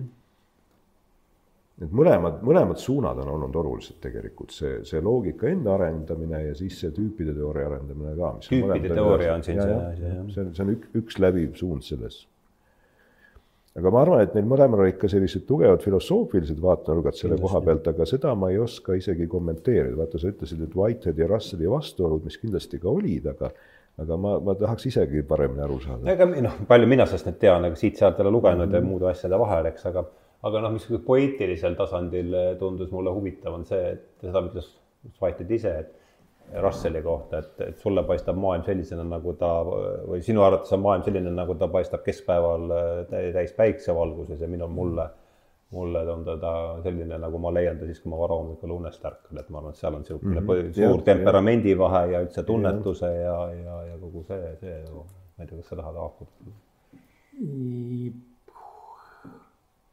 mul tuli vastu hoopis kusagil üks, üks Einsteini mõte või tsitaat ikka samadel teemadel mm, -hmm. et, et, et, et, et et võib-olla ongi võimalik kirjeldada kõike teaduslikult, aga see ei omaks mõtet. see oleks kirjeldus ilma tähenduseta. see oleks nagu te kirjeldaksite Beethoveni sümfooniat õhurõhu muutuste kaudu no ja, ja. ja loomulikult saab selle kirja panna ja tähendab ja tegelikult see on, on. ja see on suurepärane. fikseerib selle asja, asja ka üheselt, aga, aga, aga mis see tähtsus või tähendus võrdlus hoopis teisest vallast, tähendab, me hiljuti nagu lõi laineid, eks ole, inimese genoom pandi kirja, inimese genoomi projekt. aga mis siis tegelikult tehti, tegelikult ei tehtud mitte midagi muud, kui, kui ühest tundmatust keelest kirjutati üks raamat. Teise tundmatuse keel. teise tundmatuse keel ümber, aga mis tähtsus või tähendus, tähendab, see on omaette teema, eks ole, tähendab, mis, mida siis kõik need, need geenid tegelikult teevad. Vot selles äh, Arne Hiobiga saates minu meelest me just päris palju puudutasime sedasama küsimust, et, et mis annab tähenduse ja nüüd selline noh, tehnofuturism on üks viis seda tähendust anda, et sa ütled, et et, et tähendus ei ole tegelikult see, et me siin mõistame, vaid see, et me ehitame uusi asju. et see, see, see ehitamine tekitamine, paljunemine, et see ongi tähendus, et see on justkui selline eksistentsialistlik vaade isegi mingis mõttes, et et, et noh, me läheme oma liigist suuremaks, me ehitame sellist tsivilisatsiooni või mõtestatud maailma nagu väikesed sipelgad, eks ole. Et me ise ei saagi võib-olla väga aru, aga see pesa tervikuna juba saab, et me teeme sellise suure pesa ja me ehitame sinna tehnoloogiat juurde. Ja kõik see simulatsioonid ja arvutused ja füüsika ja värk on selleks, et me suudaks seda asja teha ja, ja, ja kogu see tehisintellekt on ka selleks, et me suudaks neid masinaid teha, mis, mis noh, ise on nagu väärtus, eks ole, et see on nagu üks viis no, seda mõtestatust anda. ja, ja, ja, ja see on isegi, ise kui, kui saabuks füüsika lõpp, no Feynmani mõttes, eks ole. selliseks tegevuseks jääb ikkagi lõpmatu. absoluutselt. tähenduse omistamiseks. noh, ja uute, uute, uute noh, uute asjade tegemiseks, uute, uute masinate struktuuride, mis iganes loomiseks, eks arendamiseks tähendab ah,. selles mõttes. jah, selles mõttes mm -hmm. noh äh, äh,. elu on lühike, aga kunst on pikk, eks ole. täpselt, jah. Nii uute vidinate ehitamiseks kui ka, kui ka uute tähenduste otsimiseks, mis tõenäoliselt ajas ja mida, mida see tähendus ka lõpuks ei tähenda. ja, ja noh, sa, sa noh, mõte oligi see, et sa võid soovi korral minna ja öelda, et, et see tehnofuturism ongi tähendus. et tehnoloogia ongi tähendus, et mm. -hmm. tehnoloogia on lihtsalt üldmõiste elust, et elu on üks variant tehnoloogiat, me võimegi mõelda, et inimene on tehnoloogia koostatud asi, mis on ka tõsi. et me oleme rakkudest, rakkud on mingis mõttes väga keerulise tehnoloogiaga asjad, eks ole, ja me teeme omakorda teistsugust tehnoloogiat, et, et on selline pidev tehnoloogia ehitamine, et maailma mõtestamine läbi tehnoloogilise progressi. tehisintellekti kõrval on veel üks teine selline noh, teema või teemade või ring, see on see Äh, kunstelu tegelikult. Kunstelu tähendab ja. erinevatel tasanditel, tähendab nii, nii, nii kas, kas see, et, et, et, et me mingisuguse noh, ma ei räägi siin päris nendest geenimanipulatsioonidest, see on veel mhm, võib-olla see kõige lähedasem tase, et me mingisuguse teise keemia baasil suudame midagi elutaolist käima panna mm. -hmm. et me kuidagi oma need, et need noh, need, need mehaanilised no robotid ja kõik need, mhm. eks ole, et, et, et, et kõik see on, on vägagi elusarnane, kui ta tegelikult noh, arenema hakkab. Kuni siis selleni, et, et, et, et elu kui mingisugune selline noh, programmilisel tasemel või, või, või arvutites või eh, toimivad protsessid.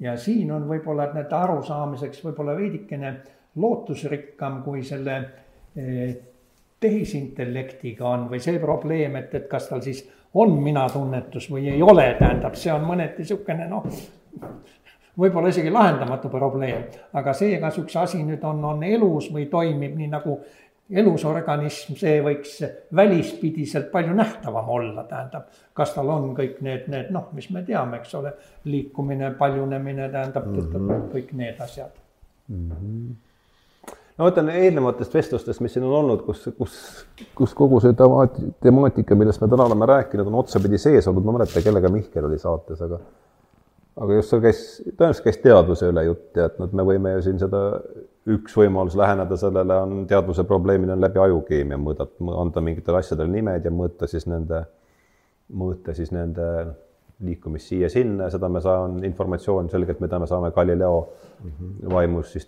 digitaliseerida, aga et sellele subjektiivsele kogemusele, et Tanelil on Tanelil on teadvus ja mida ta võib mõelda, sellele ma saan ikkagi ainult läbi oma teadvuse sellise analoog, analoogsignaali, eks, et noh, et ma tunnen nii, tõenäoliselt ta tunneb midagi, midagi just, samasugust, et just. ei suuda jälle küsimust või käigu pealt siin täpselt formuleerida, aga viskan lihtsalt sellise teema. see on väga, väga selline peegeldav analoogi asi täpselt, nii me nagu tajume küll, jah ja.. aga, aga nüüd kui me korraks sellest teadvuse teemast rääkisime, siis üks asi, mida ma soovitaks videona täitsa otsida, et on, on üks või kaks videot, mis on eriti efektsed.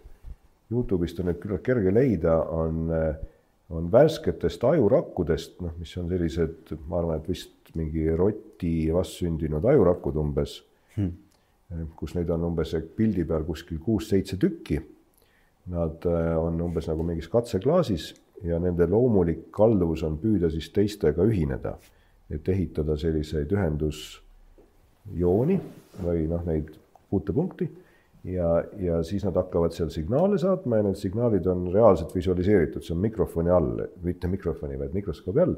et sa näed selliseid valguskiiri, mis sealt lähevad, kui signaalid tulevad, aga põhiline efekt on see, et kui sa näed, et need et need rakud on väga ühemõtteliselt väikesed loomad, et nad ongi väikesed loomad, kes liiguvad ringi ja kompavad ja püüavad haarata siit ja sealt ja ja tegutsevad täitsa omasoodu ja, ja tunnevad nagu huvi selle vastu, et mis seal on, et see tunne on hästi tugev, kui sa seda näed.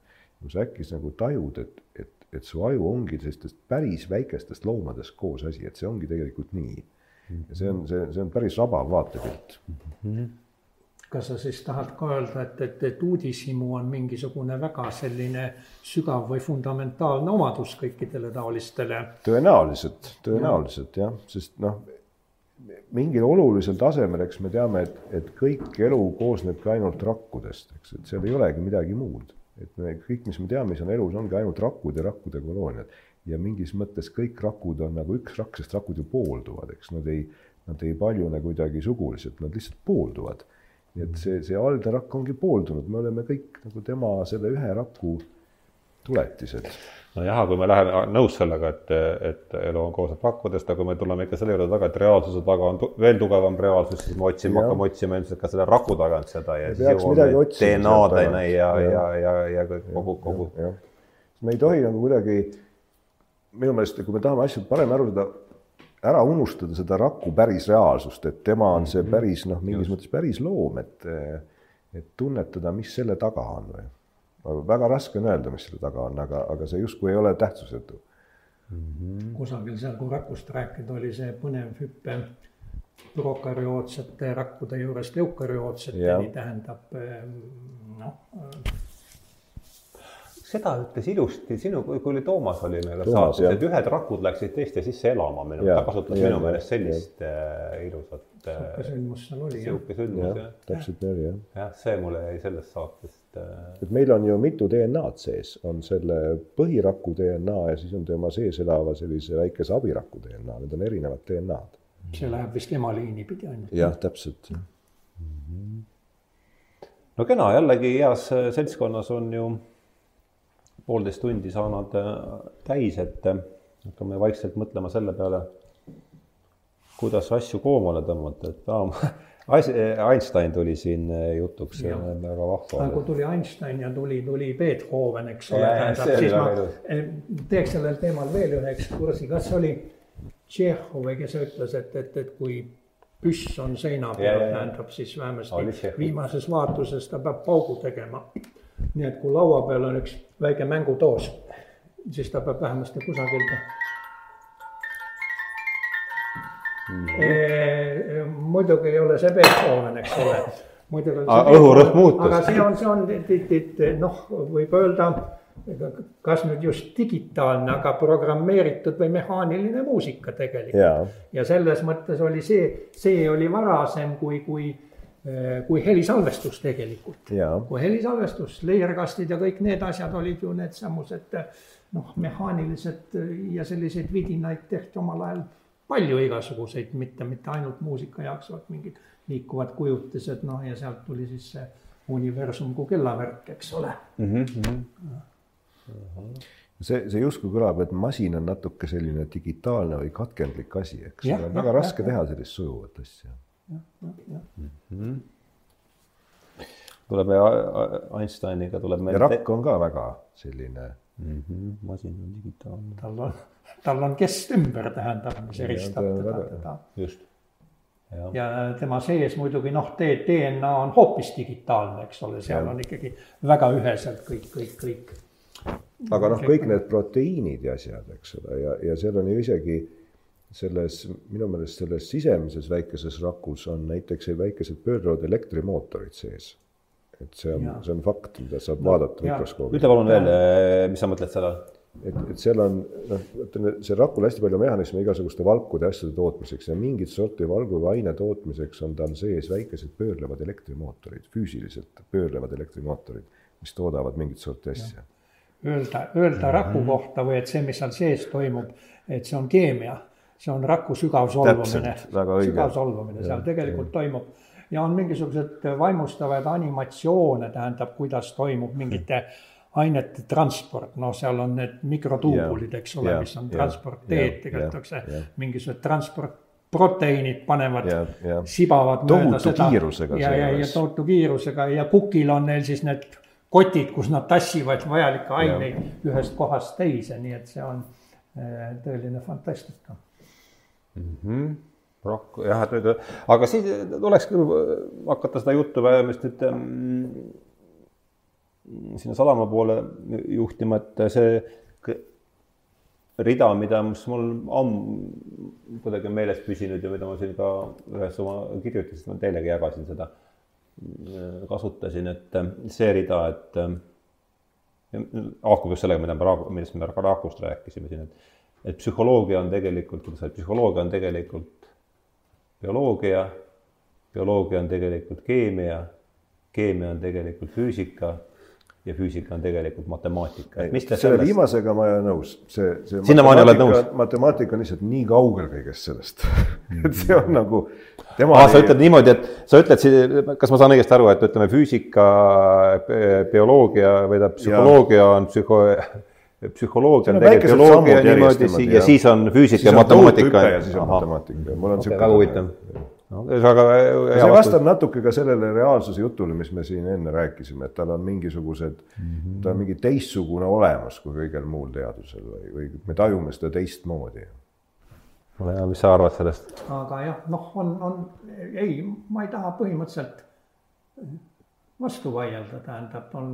siin ei olegi millegi vastu vaielda, see on lihtsalt. sarnased tunded võib-olla mm, -hmm. aga noh, tõepoolest on, on neid mehi olnud, tähendab, kes on kes on eeldanud või arvanud, et seal ka selle reaalsuse kõige sügavamas kihis toimub mingisugune matemaatiline protsess mm, -hmm. tähendab noh, selline äh, Max Tegmark, eks ole, kes meil on siin just, ka varem läbi jooksnud, kes väidab, et need noh, need multiversumid, eks yeah. ole, multiversumid, et selle, kas oli see neljanda astme multiversum et need ongi kõikvõimalikud erinevad matemaatilised struktuurid, tähendab, mis mhm. noh, üleüldse eksisteerivad ja noh, võib-olla veidike lähemal, tähendab, oli selline äh, sakslane Konrad Zuuse.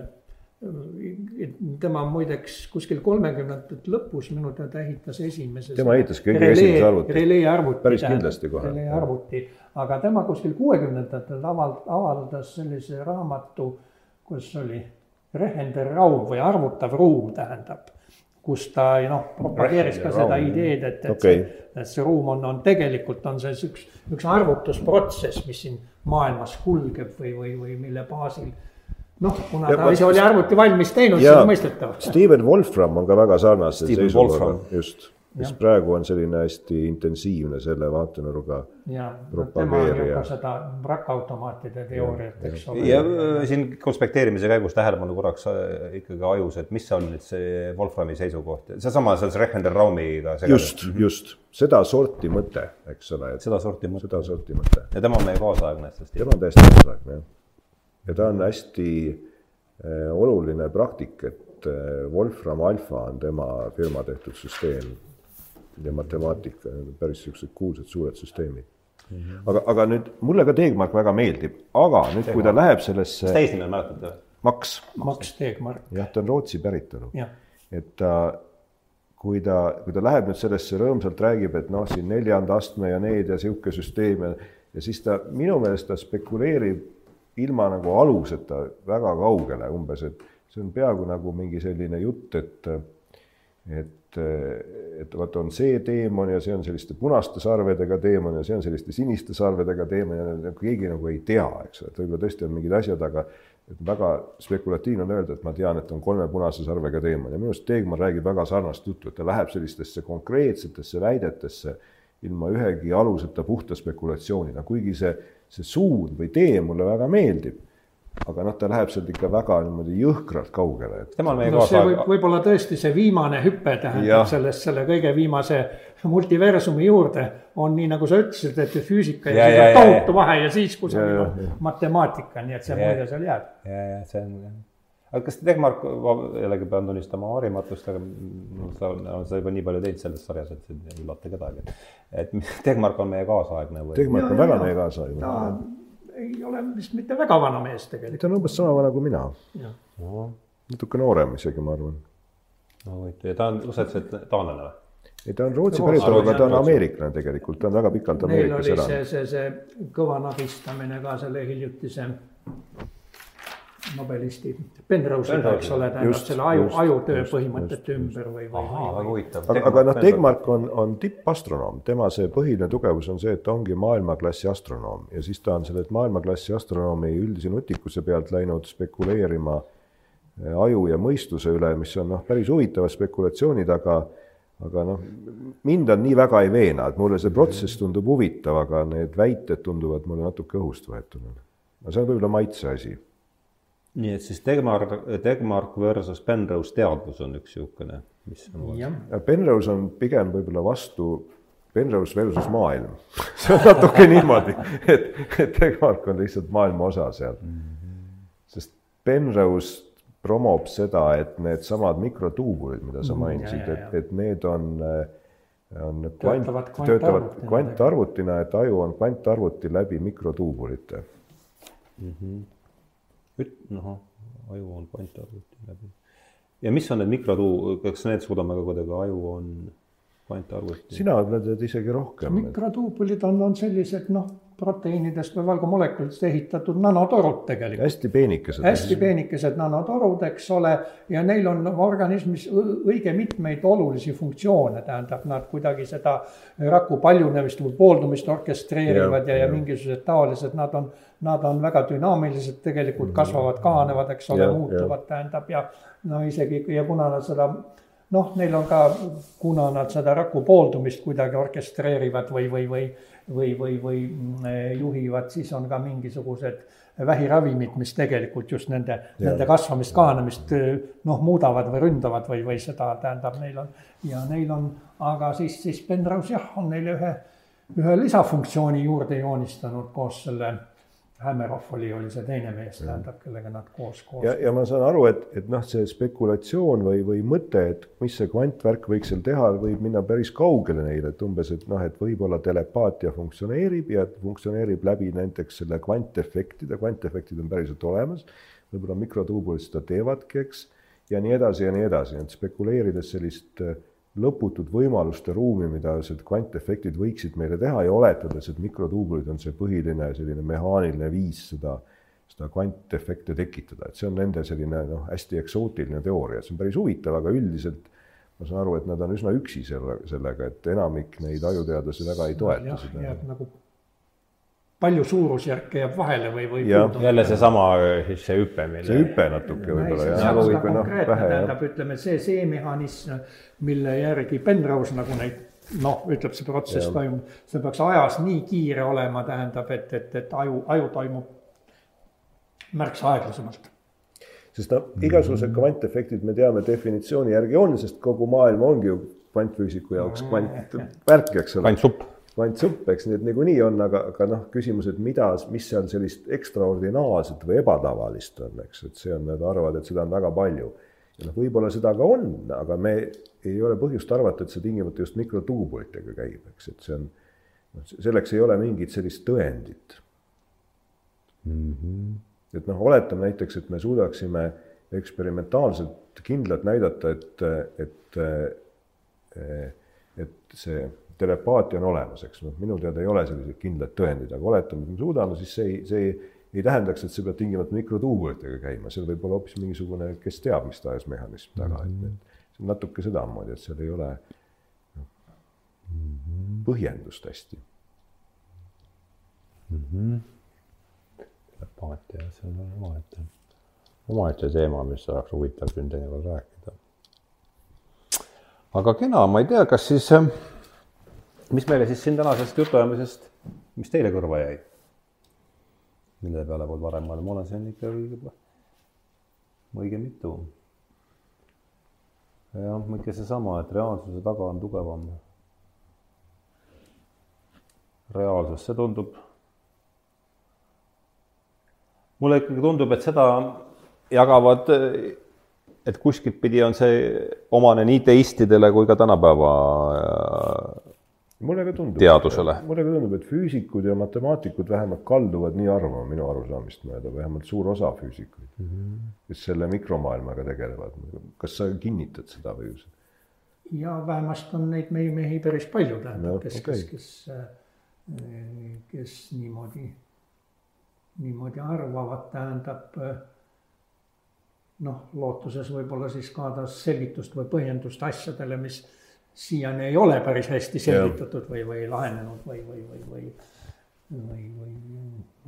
see on jah ja. lootus arusaamisele natuke, eks ole mm -hmm. jah. ja see on ühine, see on, sa ütlesid, see on teismil ja sellel samal ühine. just. see on üks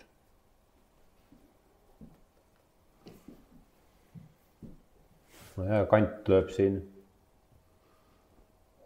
Kantipööre on siin ka, ma ei tea, kuidas seda siia sellesse veel. ühest küljest, et reaalsuse taga on tugevam reaalsus, mis on ju aastat, sada sajandite vanune jah, arusaam. aga, aga mis on kantipööre? no mina saan aru, et äh, kantipööre on see nii, nii vähe, kui mina sellest aru. jah, et, et me seda reaalsust niikuinii ei suuda, et me suudame, ainuke asi, mida me suudame oma mõistusega siis äh, analüüsida, on see oma, oma mõistuse, oma mõistuse struktuur, et aeg ja ruum on juba see, need kategooriad, mille tead-, mille meie teadvus paneb, paneb sellele ka selle esmasele reaalsusele no. rääkimata sellest, ma ei tea, oled sa nõus selle kanti, põlve otsas siin kiiresti? ma, ma ei julgeks öelda ei, ei ega jah, et ma, ma olen nagu, ma kaldun olema skeptiline või selline noh, ma ei, ma ei usu väga meie arusaamist ja ma ei usu ka, et Kant väga hästi kõigest aru sai, et tal võib olla õigus, aga võib-olla mitte. ei, seda küll jah, et tal ei pruugi olla õigus, aga noh, ilmselt tõsiasi on see, et ta on ikkagi väga palju mõjutanud kogu seda on. meie, vähemasti lääne mõtlemist. jah, ta on hästi modernne minu meelest mm, -hmm, hästi, no, selle aja kohta on ta erakordselt modernne mõtleja, ta oleks ja. nagu kahekümnes sajand mm. -hmm. No. ja mis, mis sa, Jaak, sellest, kuidas sa kanti sellesse asja siin niimoodi? kuidas ma kantisse suhtun? ei, kuidas sa sellesse jah, kuidas sa suhtud ja kuidas ta selles selle vestluse taustal siin paistab midagi? no hästi, hästi suhtun, aga, aga üldiselt on, on selline asi, et eh, vaat selle, selle vestluse eest, mis meil siin oli Peeter Laavitsaga, jah mm. -hmm. ja kus meil ka see Sheldrake kuidagi mm -hmm. sisse, sisse sõitis mm. -hmm ma sain mõne kolleegi käest ikka veidikene pahandada, et ma nagu noh, piisavalt kriitiliselt ja, ei suhtunud Sheldrake'i, eks ja. ole. aga, aga vaata, Sheldrake'iga on see asi või ja, ja, ja kõik oleks hästi olnud mm, -hmm. nagu kolleeg ütles, et, et kui noh, no olekski jäänud, tähendab sellise üldise filosoofilise arusaama juurde või noh, et, et noh no, nagu Aristoteles oli, et on seal mingisugused vormid, eks ole, et on tagumised vormid, mis, mis asja kuidagi selgitavad või, või ja et, et siis aga ka tema pagan tõi oma konkreetse selle e, füüsikalise välja sisse mm. -hmm. aga, aga mina vastupidi tegelikult arvan, et, et, et, et ja ma olen, ma olen valmis möönma, et, et, et, et Sheldrake on provokaator selles mõttes mm. -hmm. aga, aga mul on tunne, et, et, et selline provokatsioon võib tegelikult teaduse arengule e, rohkem anda kui mingisugune selline platooniline või, või, või kauge filosoofia või, või tema kirjeldamine ainult sellisel mm, noh, mingisugusel väga üldisel eh, filosoofilisel tasandil. Nojah, ma olen selles mõttes, ma olen siin kindlasti erapoolik, sest aga jah, just mul on sama tunne, et et noh, veel kord, sellest kogu sellest sarjast on mul meelde noh, siin konspekte tehtud palju, aga meelde on jäänud siin võib-olla mõned laused ja üks on seesama, mis sa tsiteerisid, kui oli see, kui te olite Mihkliga von Neumannit, et, et on nii keerulisi asju, et selle asja kõige parem mudel on asi ise, see on väga huvitav mõte. Ja teine asi ikkagi, ma olen siin korduvalt ka tsiteerinud Asso Krulli, et kui on huvitav, siis järelikult on vajalik. ja, on, ja see on ka üks, üks lause, mis mulle, see on väga hea lause, jah, see on väga hea lause ja, ja ja kui see noh. kuskile ka oma konspektidesse välja kirjutasin tegelikult sellest, sellest. jah, et need noh, vot seetõttu see asi jah no.. kui on huvitav, nojah, sest uudi-, uudishimu on meie väga sügav ja fundamentaalne liikuma panev jõud. just nimelt. me oleme kõige uudishimulikum liik. uudishimu olevat küll kassi tapnud, aga, aga meid on ta toonud siia, kus me praegu oleme. ja eks meid ole hukka selle käigus saanud ka palju no,, aga. aga, aga.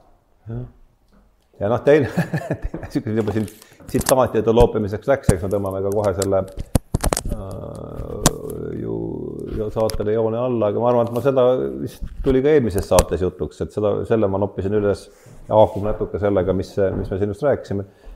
et kui alguses ma kuulasin suure hoolega Jordan Petersoni ja tema üks lause oli see, et et mil-, sadu miljoneid aastaid oli meie ainsaks, ainsaks võimaluseks järje, järele proovida, kas ma eksin või mitte, teha midagi ja kui surma sain, siis oli järelikult eksisin. et see, et see teadvuse teke sedakaudu on, on, on huvitav jah, aga ma ei tea, kas siis järsku oleme, tõmbame joone alla või asjale et oleme, oleme kuhugi jõudnud, mis tähendab. ma ei tea, kus see, mis, mis see. oligi ju eesmärk mis koht see küll on, nojah, seesama me siin ähm, olime kaht-, Jaaguga jõudsime siin ühele, ühele samale, et mõlemale meeldivad see, need laud, üks on Neumanni tsitaat, et et, et, et on nii keerulisi asju, et asja parim mudel on ta ise. see mul väga, ma ei tea, miks ta, sellest võiks omaette veel kohe rääkida teinekord natukene teine on ikka see, et kui asi on huvitav, siis ta järelikult on ka vajalik, et, et see.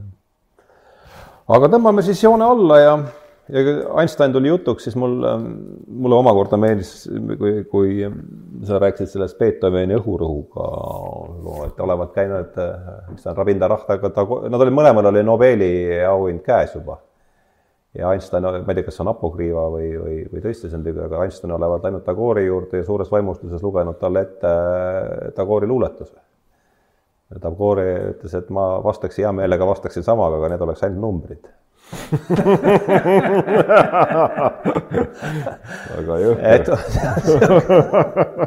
analoog ja digitaal selle nurga pealt, et no väga tore, et lõpetasime vähemasti heatujuliselt jutt käis siia-sinna nagu ikka ja ja aitäh teile tulemast, äh, Jaak Ikas, Tanel Tammet. Äh, ei julge, julge öelda praegu mitmes, mis selle saate number saab olemas. Saja kahest kuni saja viieni on kõik praegu võimalikud, aga, aga saatele sai nüüd siis joon alla ja veel kord aitäh tulemast, aitäh kuulamast, aitäh filmimast ja saade, sellega on saade loetud lõppenuks